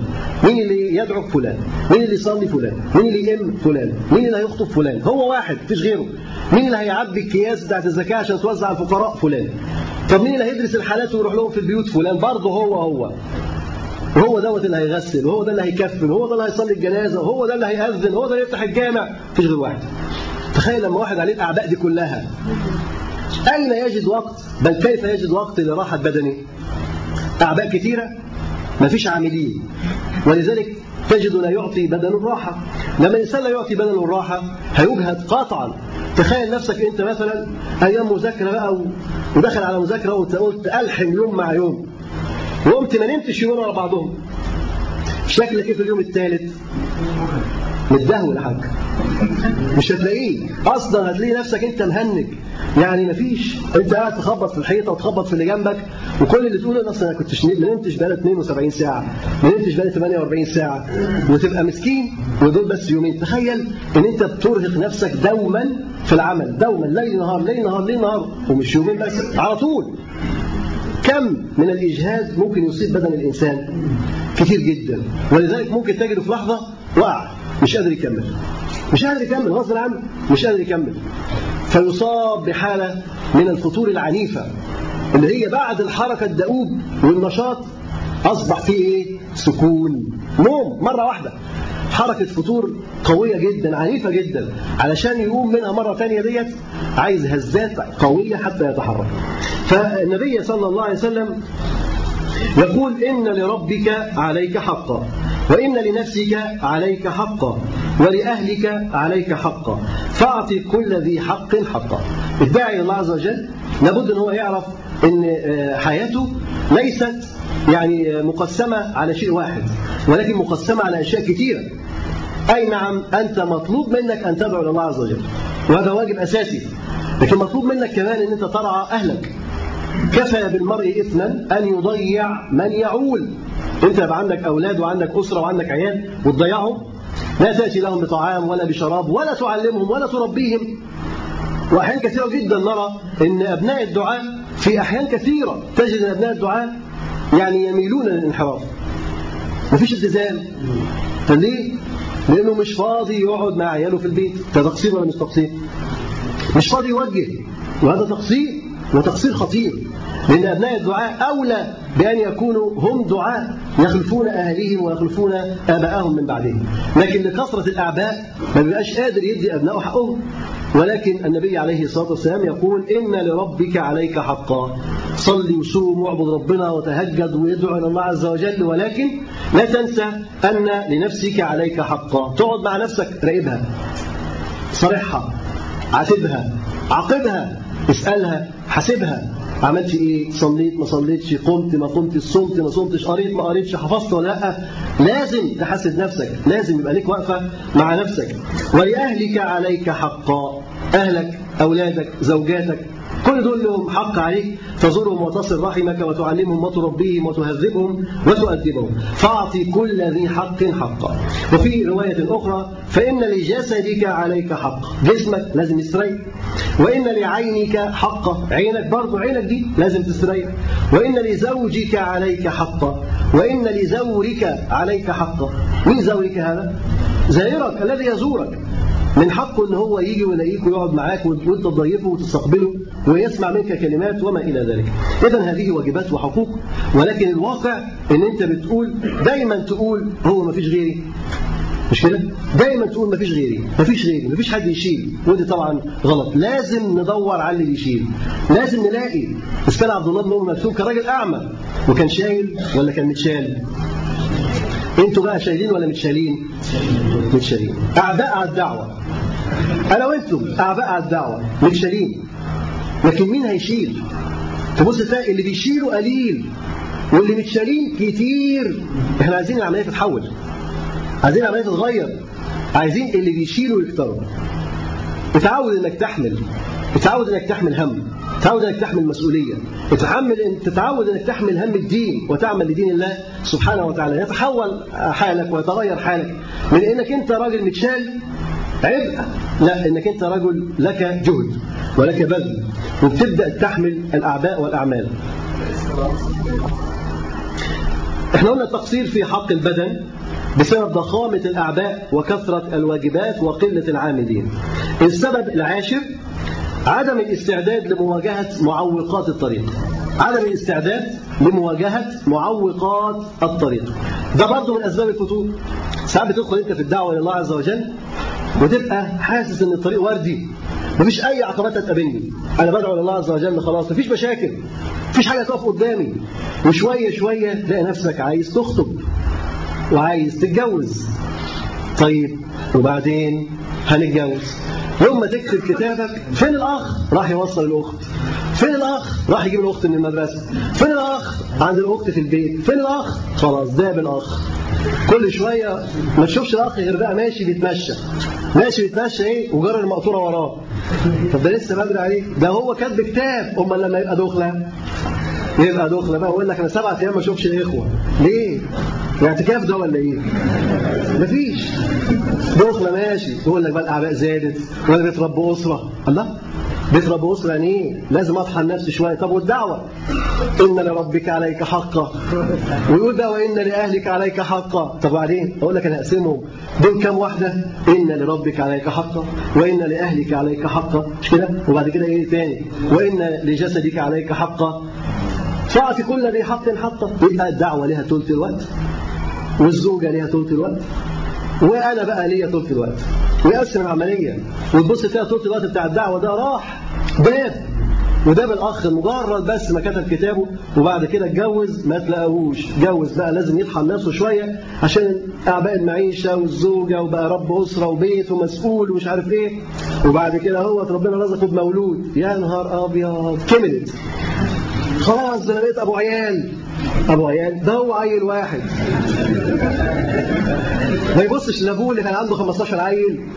ده أنت عيل واحد. تقول بقيت أبو عيال. يقول لك أبو عيال وغلاء المعيشة و طوابير العيش وطوابير الجاز ومش عارف إيه. ويدخل بقى في مهرجان تاني متاهة تانية. يدخل في متاهة تانية بعد ما كان بيتكلم على الدعوة إلى الله. ده بيتكلم على الجاز وطابور العيش. واللحمة والخضار والطماطم بكام والبطاطس بكام وناسى بقى الدعوة إلى الله عز وجل عاملة إيه والشباب عاملين إيه ونعمل ونطبع لهم إيه ونوزع عليهم إيه؟ تغيرت الإيه؟ الاهتمامات. الاهتمامات اتغيرت. إيه اللي حصل بالظبط؟ اللي حصل؟ إن أنت ما كنتش عامل حسابك إنك تتجوز. ما كنتش عامل حسابك. لكن لو انت عامل حسابك انك تتجوز هتبقى فاهم.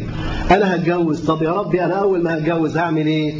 قدامك نماذج انت بقى هو معروفة ومشاهد معروفة. انت عايز تتحشط في وسطهم ولا عايز تبقى نموذج متميز؟ نموذج انت دعوتك هي دينك هي حياتك هي اول حاجة بالنسبة لك. بعد كده رص بقى وراها. وادي كل ذي حق حقه لكن لا تضيع لا تفرط لابد من التوازن. لا تجعل الأولاد يكونوا زينة في الدنيا. كما قال عز وجل لا تجعل هذه الزينة تعرقل مسيرتك إلى الله سبحانه وتعالى. لا تجعل الزوجة تعرقل مسيرتك إلى الله سبحانه وتعالى. تيجي تسعى الأخ الأخ فهين الأخ يقول لك مع الأخت راح عند الدكتور جاي من الدكتور. وندخل إحنا في متاهة بقى. أنت تصرف. لابد إنك أنت يعني تجعل نفسك يعني مسؤول عن دعوة. كما كنت مسؤول عن دعوة قبل ذلك.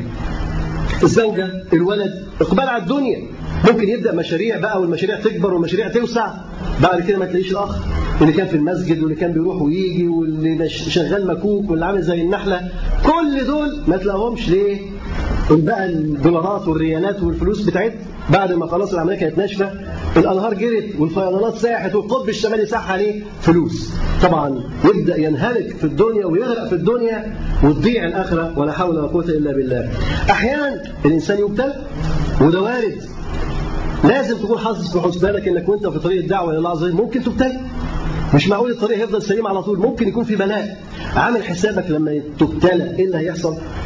هترجع تقول ماليش دعوة بالدعوة؟ خلاص. ده كانت أيام وانتهت ولا ترجع أشد مما كنت؟ لازم أنت ابتليت في سبيل إيه؟ في سبيل الدعوة. في سبيل دينك. إذا ترجع صامد قوي متماسك أقوى مما كنت. ترجعش بقى هش ضعيف. لا. ترجع وقد اكتسبت القوة والصلابة وذهب عن قلبك الخوف الذي كان موجود قبل ذلك. فالإنسان لابد أن هو يتخيل ويتوقع إن في عقبات في الدنيا. العقبات ديت ممكن تكون زواج ممكن تكون أولاد ممكن تكون أعمال ممكن تكون امتحانات ممكن ممكن. وتبص تلاقي إخوة اثناء الامتحانات كل سيب الدروس. عندك إيه؟ عندي 100 ترم وعندي ترم وعندي راندم وعندي وعندي وعندي. ويفضل يحكي في شوية موضوعات امتحانات كلها. طب أنت يا أخ ما بتذاكرش ليه طول السنة؟ المؤاخذه يعني في السؤال المحرج ده انت ليه ما بتذاكرش السنة؟ جاي على آخر يوم قبل الامتحان وتذاكر وبعدين نقول طب كنت بتضيع الوقت فين؟ كنت داعي إلى الله؟ ده أنت لو كنت داعي كان زمان الدنيا مليانة مليانة بشر. دعوا إلى الله ودخلوا في الدين. لكن ده أنت كنت مكسل طول المدة. طول المدة. السنة الدراسية كلها مكسل. وكنت عبء على الإخوة. وكنت مشاكل. وكنت وكنت وكنت. وجيت قبل الامتحان هتعكف بقى وخلاص. هتذاكر وتطلع النتيجة النهائية. طب ليه؟ طب ما نذاكر كويس ونفهم كويس وندخل الامتحانات عادي. زي أي حاجة نقرأ كلمتين كده قبلها وندخل نمتحن ناس حاضرة الموضوع حاضر في ذهنها. اذا الامتحانات ممكن تكون عائق. الابتلاءات ممكن تكون عائق. المرأة الزوجة الأولاد كل دي عوائق. اعمل حسابك إنها ممكن تبقى عوائق. لكن هتعمل معاها إيه؟ هتستسلم العوائق ديت ولا هتذلل العواقب ديت؟ لابد على الداعي أن يذلل هذه العقبات. الفتور يأتي من عدم الانسجام مع هذه العقبات. ما يقدرش يحل المشاكل. ما يقدرش يلاقي حل لمشكلته. مش عارف يعمل إيه مع زوجته ولا الأولاد اللي الولد اللي سخن واللي درجه حرارته ارتفعت واللي عنده برد واللي عنده اسهال خلاص الحاجات دي بقى كلها مش عارف يتصرف. أبسط حاجة يعملها كان عنده درس يلغيه. أصل رايح للدكتور عشان الولد عنده اسهال الدرس اللي بعده يلغيه. أصل الزوجة مش عارفة عندها إيه. اللي بعده يلغيه. أصل جاي لي ضيوف اللي بعده يلغيه. خلاص أنت إيه دورك في الدعوة بعد كده؟ لما كل حاجة الغي الغي الغي لابد أن تتكيف مع هذه الحياة. الإنسان بيعيش في حياة ما بيعيش أعزب. أنت مش عمرك كله هتعيش أعزب. ولا أنت مش ناوي تتجوز؟ أكيد أكيد والله أعلم أن الناس اللي قاعدة دي كلها نفسها تتجوز. مش كده؟ طب لما تتجوز هيبقى شكلك إيه؟ أين أنت في قطار الدعوة؟ تحت القضيب ولا فوق القضيب؟ وهذا السؤال برضه. تحت القضيب ولا فوق القضيب؟ في ناس كتير قوي بيدخلوا المفرمة. يعني بيبقوا تحت القضيب. بيقعوا والقطر يعدي عليهم ويخلص. علشان كده تبص تلاقي الأجيال بتعدي وفين الدعاء؟ برضه قلة. الجيل الثاني يعدي وبرضه قلة. واللي بعده قلة. إيه ده؟ غربانه للدرجة دي. ناس كتير بتقع قوي للدرجة دي. آه ناس كتير بتقع.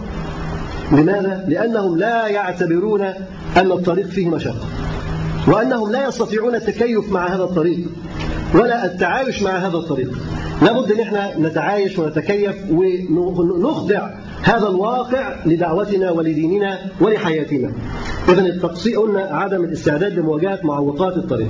النقطه الحادية عشر صحبة ذوي الإرادات الضعيفة والهمم الدانئة أو الدنيئة. أيضا من أسباب الفتور إنك أنت بتصاحب شخصيات ذوي إرادات ضعيفة. همته منخفضة.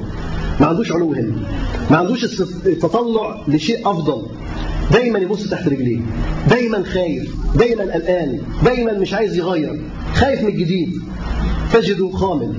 ولذلك لو أنت صاحبته هل يرشدك إلى الخير؟ هل يدلك على الخير؟ لا. مفيش أحسن من اللي إحنا فيه. مفيش في الإمكان أحسن من مكان. الواحد ما يعرفش الجديد شكله إيه. ويفضل زي ما هو. يرضى بالظلم ويرضى بالطغيان ويرضى بكل شيء. ولا يحب التغيير ابدا. طبعا وهذه سمة سيئة. لأن الانسان لابد أن يتطلع للأفضل ويتطلع للتغيير. فاحيانا الإنسان يصاحب ذوي همم ضعيف فيأخذون بيده إلى القاع. والنبي صلى الله عليه وسلم قال المرء على دين خليله فلينظر أحدكم من يخالل أيضا النقطه الثانية عشر الثانية عشر العفوية في العمل سواء على المستوى الفردي أو الجماعي. العفوية في العمل سواء على المستوى الفردي أو المستوى الجماعي. يعني إيه العفوية؟ عشوائية. عفوية حاجة غير مدروسة. يعني لا منهجية. لا منهجية. أحيانا الإنسان بيتحرك كفرد أو كجماعة بطريقة عشوائية. مش مدروسة مفيش منهج مفيش برنامج. تخيل أنت ماشي بدون جدول بدون برنامج. إيه النتيجة اللي جبتها في الآخر؟ ولا حاجة. هو أصلا الهدف كان إيه؟ ده الهدف ما كانش باين وما كانش واضح. إيه خطوات التحرك؟ ما كانتش محطوطة. يبقى إزاي هتنتج؟ ولذلك الدعوات اللي ما فيهاش المنهجية تجدها دعوات فاشلة. بعد الإنسان يقطع عمره فيها يرجع تاني من الصفر. وأنت برضه في حياتك الشخصية لو ما كانش في منهجية في حياتك لا يمكن إنك أنت تنجح. ولذلك تجد مثلا إنك أنت بتقول أنا عايز أبقى مثلا دكتور أو أبقى مهندس أو أبقى أي حاجة. فبتسلك الطريق الذي يؤدي بك إلى هذا السبيل. عارف إن أنت عايز تدخل طب بتمشي في سكة معينة. هندسة بتمشي في سكة معينة. دي سبل. أنت أنت عايز تبقى داعي إلى الله عز وجل. هتمشي في أنهي سكة؟ عايز تبقى عبد لله عز وجل هتمشي في أنهي سكة؟ إذا لابد أن يكون في مؤهلات في الطريق. لابد أن الإنسان يأخذ يعني على عاتقه الترتيب والتنظيم لحياته. إن حياتك تبقى مرتبة حياتك تبقى منظمة حياتك تبقى منهجية. والنبي صلى الله عليه وسلم قال لمعاذ عندما أرسله إلى اليمن إنك تأتي قوما أهل كتاب فادعوهم إلى شهادة أن لا إله إلا الله. يبقى النبي صلى الله عليه وسلم بيرشد معاذ ويوجهه. يقول له إنك تأتي قوم أهل كتاب. طيب دول تعمل معهم إيه؟ أول حاجة تعملها قال فادعوهم إلى شهادة أن لا إله إلا الله وأني رسول الله. فإن هم أطاعوك لذلك. خد بالك؟ خد بالك من الانتقالة فإن هم أطاعوك لذلك. يعني بعد ما تتم المرحلة ديت تنتقل لمرحلة ثانية فإن هم أطاعوك لذلك فأعلمهم أن الله افترض عليهم صدقة. تؤخذ من أغنيائهم فترد في فقرائهم. يا بعد ما يوافقوا على البند الأول أشهد أن لا إله إلا الله وأشهد أن محمد رسول الله. توافقوا على البند ده؟ انتهى؟ ادخل على بند تاني. حتى مناقشتك لازم تكون منهجية. لازم يكون فيها ترتيب. حوارك لازم يكون فيه ترتيب. ما تبقاش نقاط عشوائية ولكن نقاط مرتبة. أول نقطة ادعوهم إلى التوحيد. لا إله إلا الله. لو انتهيت منها فإن هم أطاعوك لذلك فأعلمهم. ويبدأ يكلمهم على الصدقة على الزكاة. تؤخذ من أغنيائهم فترد في فقرائهم. فإن هم أطاعوك لذلك فإياك وكرائم أموالهم. واتق دعوة المظلوم فإنه ليس بينها وبين الله حجاب. دعوة المظلوم ليس بينها وبين الله حجاب. يقول لك الحديث ده قاعدة في منهجية العمل وترتيبه ودقته. هذا الحديث قاعدة في منهجية العمل وترتيبه ودقته. آخر سبب من أسباب الفتور آه، الوقوع في المعاصي والسيئات لا سيما صغائر الذنوب. الوقوع في المعاصي. طبعا لا شك إن الإنسان لما يقع في المعاصي والذنوب بتحدث عنده ران تحدث عنده ظلمة في قلبه فلا ينشط لطاعة وعبادة. تخيل نفسك إن أنت مثلا عملت ذنب هل تنشط لطاعة وعبادة؟ تجد نفسك يعني في أحسن الأحوال مكشوف من نفسك. مكشوف من نفسك. فيؤدي هذا إلى فتور إلى ترك العمل وترك الطاعة. وقال عز وجل وما أصابكم من مصيبة فبما كسبت أيديكم ويعفو عن كثير. أي مصيبة بتصيبك؟ ديت جيت منين؟ فبما كسبت أيديكم. أنت السبب فيها. أنت اللي عاملها فبما كسبت أيديكم ويعفو عن كثير. في مصائب كتير جدا ربنا ما حسبكش عليها في مصائب كتير جدا ربنا عز وجل عفى عنك فيها.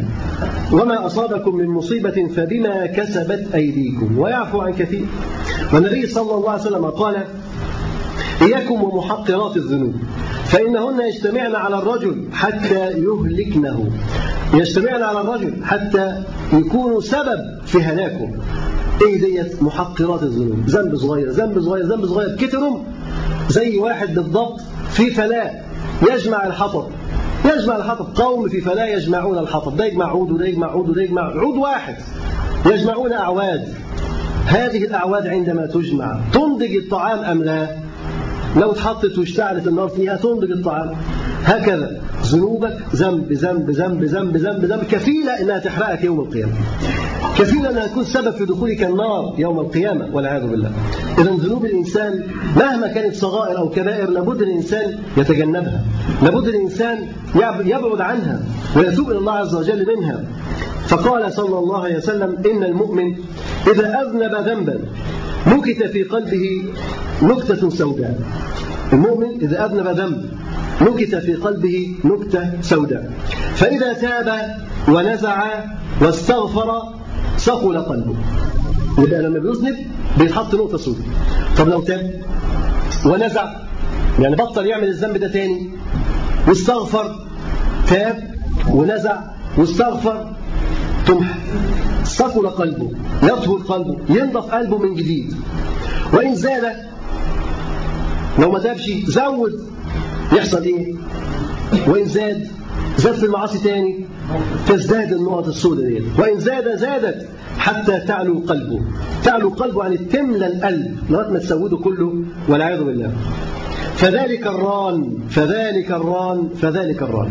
في قوله عز وجل كلا بل ران على قلوبهم ما كانوا يكسبون. هو ده الران. اسود ظلام ظلمة على القلب. وزي في حديث الآخر النبي عليه الصلاة والسلام يقول تعرض الفتن على القلوب كعرض الحصير عودا عودا. فأيما قلب أشربها نكتت فيه نكتة سوداء. وأيما قلب أنكرها نكتت فيه نكتة بيضاء. إذا القلوب قلب هينكر وقلب هيشرب قلب مستني الشهوة مستني الشبهة وقلب بيطرد. إذا لو إن الإنسان تشربها نكتت نكتة سوداء. لو طردها نكتت نقطة بيضاء. حتى تصير القلوب إلى إلى قلبين. القلوب تنقسم إلى قلبين قلب أسود مرباد كالكوز مجخيا لا يعرف معروفا ولا ينكر منكرا إلا ما أشرب من هوى وقلب أبيض مثل الصفا. لا تضره فتنة. ما دامت السماوات والأرض. قلوب بتنقسم لقلبين قلب أسود. تخيل قلب أسود. كالكوز مجخيا كوز. تخيل عارفين الكوز ولا مش معروف الكوز؟ صفيحة. علبة صفيحة. كالكوز مجخيا الكوز مخروم مصدي مقلوب. إيه رأيك؟ تنتفع بيه إزاي؟ كوز مخروم مصدي مقلوب. كيف يكون النفع؟ هكذا يكون القلب. قلب أسود مرباد صدي. كالكوز مجخيا مقلوب لا يعرف معروفا ولا ينكر منكرا. كل حاجة عنده حلال. لا يعرف معروفا ولا ينكر منكرا. إلا ما أشرب من هواه الحاجة دي عجباه تبقى حلال. الحاجة دي مش عجباه تبقى حرام. القلب الثاني قلب أبيض مثل الصفا. زي الصفا زي الزلط. قوي شفاف. لا تضره فتنة. ما دامت السماوات الفتنة تخبط فيه ما تأثرش. لا تأثر بالفتنة. ليه؟ لأنه اتربى هذا القلب كلما عرضت عليه الفتنة يطردها. يطردها. يطردها. اتدرب على طرد الذنوب على طرد الفتن. فأصبح هذا القلب قلبا نقيا صافيا قلبا أبيض مثل الصفا. لا تضره فتنة. ما دامت السماوات. طيب هل الفطور ده ليه أثر على الناس اللي بتشتغل في الدعوة؟ طبعا ليه قالوا له أثر واحد بس. أنه يضيع الأجر. رصيدك راح فين؟ رصيدك ضاع. رصيدك أجرك حسناتك ثوابك. أنت بتشتغل. الأجر مستمر. وقفت إيه اللي بيحصل في الأجر؟ وقف خلاص. وقف الأجر خلاص. أنت الذي تجني على نفسك. ربما تموت وأنت مقصر. يبقى إيه الحال؟ إيه الحال؟ تخيل نفسك إن أنت كنت نشيط في الدعوة إلى الله وتتحرك هنا وهنا وهنا. وجه في مرة جت لك حالة فطور وطولت. تخيل لو مت في الحالة ديت إيه يكون شأنك؟ إيه يكون شأنك؟ أظن هتبقى أزمة. تبقى أزمة. كان عبد الله بن مسعود رضي عنه أتاه الموت وهو على سريره. كان يبكي. كان يبكي إن هو جاله الموت في حالة فتور. فتور إيه ده؟ مش فتور. هو كان يتمنى أن يموت في ساحة القتال. كان يتمنى أن يموت مجاهدا على ظهور الخيل أو على ظهور الإبل. لكن ربنا قدر له إن هو يموت على الفراش. وكان يبكي رضي الله عنه. اذا ناس بتخاف على نفسها ناس بتخاف على حسناتها وعلى اجرها وثوابها. فالإنسان إذا فرط في الطاعة أو إذا فرط في العمل الصالح بفتوره تركه هيخسر. هيخسر الأجر والثواب الذي يحصله. والنبي صلى الله عليه وسلم كان يتعوذ بالله عز وجل من العجز. فكان يقول اللهم إني أعوذ بك من الهم والحزن وأعوذ بك من العجز والكسل وأعوذ بك من الجبن والبخل وأعوذ بك من غلبة الدين وقهر الرجال. والله سبحانه وتعالى إذا أراد بعبده خيرا استعمله كما قال النبي صلى الله عليه وسلم إذا أراد الله بعبد خيرا استعمله. استعمله ربنا قال يريد بك الخير يستعملك في طاعة تجد نفسك بتشتغل في طاعة في عمل صالح. تيجي كده الناس تختارك تقول لك تعالى اعمل ديت. مش معنى انت بالذات ربنا اختارك لا تضيع هذه الفرصة على نفسك. دي ثم تيجي تقول أنا مش فاضي. ما تقولش أنا ما عنديش وقت. ما تقولش أنا ما عنديش جهد. أنا ما أقدرش. ما تقولش. طالما أنت اخترت ابذل مجهودك. اللي مش متعلمه اتعلمه اللي ما تعرفش تعمله اتعلم واعمله. لا تضيع على نفسك هذه الفرصة. إن الله عز وجل إذا أراد بعبد خيرا استعمله.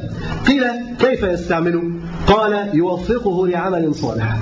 يوفقه لعمل صالح. ثم يقبضه عليه. يخليك تموت وانت بتعمل عمل صالح. ترشد إلى عمل صالح وتموت وانت بتعمله. يبقى ختم لك بالأعمال الصالحة. طبعا الفتور له أثر على الدعوة؟ لما الداعي ده إيه رأيك الطريق الطريق هيطول ولا هيقصر؟ الطريق هيطول. يبقى الطريق هيطول. إحنا عايزين نغير. عايزين ننشر ديننا عايزين ننشر عقائدنا لما الطريق يطول علينا. متى نصل إلى أهدافنا؟ طول الطريق وكثرة التكاليف والتضحيات. كل شوية في ناس بتسقط كل شوية ناس بتقع كل شوية القطر عمال يدوس ويذبح. تضحيات ولا مش تضحيات؟ تكاليف ولا مش تكاليف؟ اللي بيتعلموا واللي بيتربوا دول مش بينفقوا؟ مش بيبذلوا كل ده بيضيع. إذا الفتور له أثر على الدعوة إن الطريق بيطول. بدل ما نصل إلى أهدافنا في عام نصل في عشرين عام وقد لا نصل إلى الأهداف. لماذا؟ لأن الفطور يصيب العاملين. وسنة الله عز وجل أن النصر لا يتأتى إلى الكسالى وأن تأييد الله عز وجل لا يأتي إلى الكسالى. قال عز وجل إن الله مع الذين اتقوا والذين هم محسنون. ربنا عز وجل مع مين؟ الذي يتقي. الذي يحسن الذي يبذل الذي يتحرك. وقال عز وجل والذين جاهدوا فينا لنهدينهم سبلنا وإن الله لمع المحسنين. إذا تأييد الله عز وجل لا يكون إلا للمحسن تأييد الله عز وجل لا يكون إلا للعامل الذي يبذل. لكن المكسل اللي نايم في بيته ده مش ممكن ينال تأييد الرب سبحانه وتعالى. دي كانت مجموعة كده من أسباب الفتور. عبد الله بن أم مكتوم رضي الله عنه لم تصبه يعني آه، فتور في حماسته التي كان فيها. كان قوة ونشاط وحماسة. هل أصابه فتور؟ لم يصيبه فتور ولا ضعف ولا ضعف له إيمان. نكتفي إن شاء الله بهذا القدر. ونستكمل مشيئة الله في الأسبوع القادم. سبحانك اللهم وبحمدك أشهد أن لا إله إلا أنت أستغفرك وأتوب إليك. السلام عليكم ورحمة الله.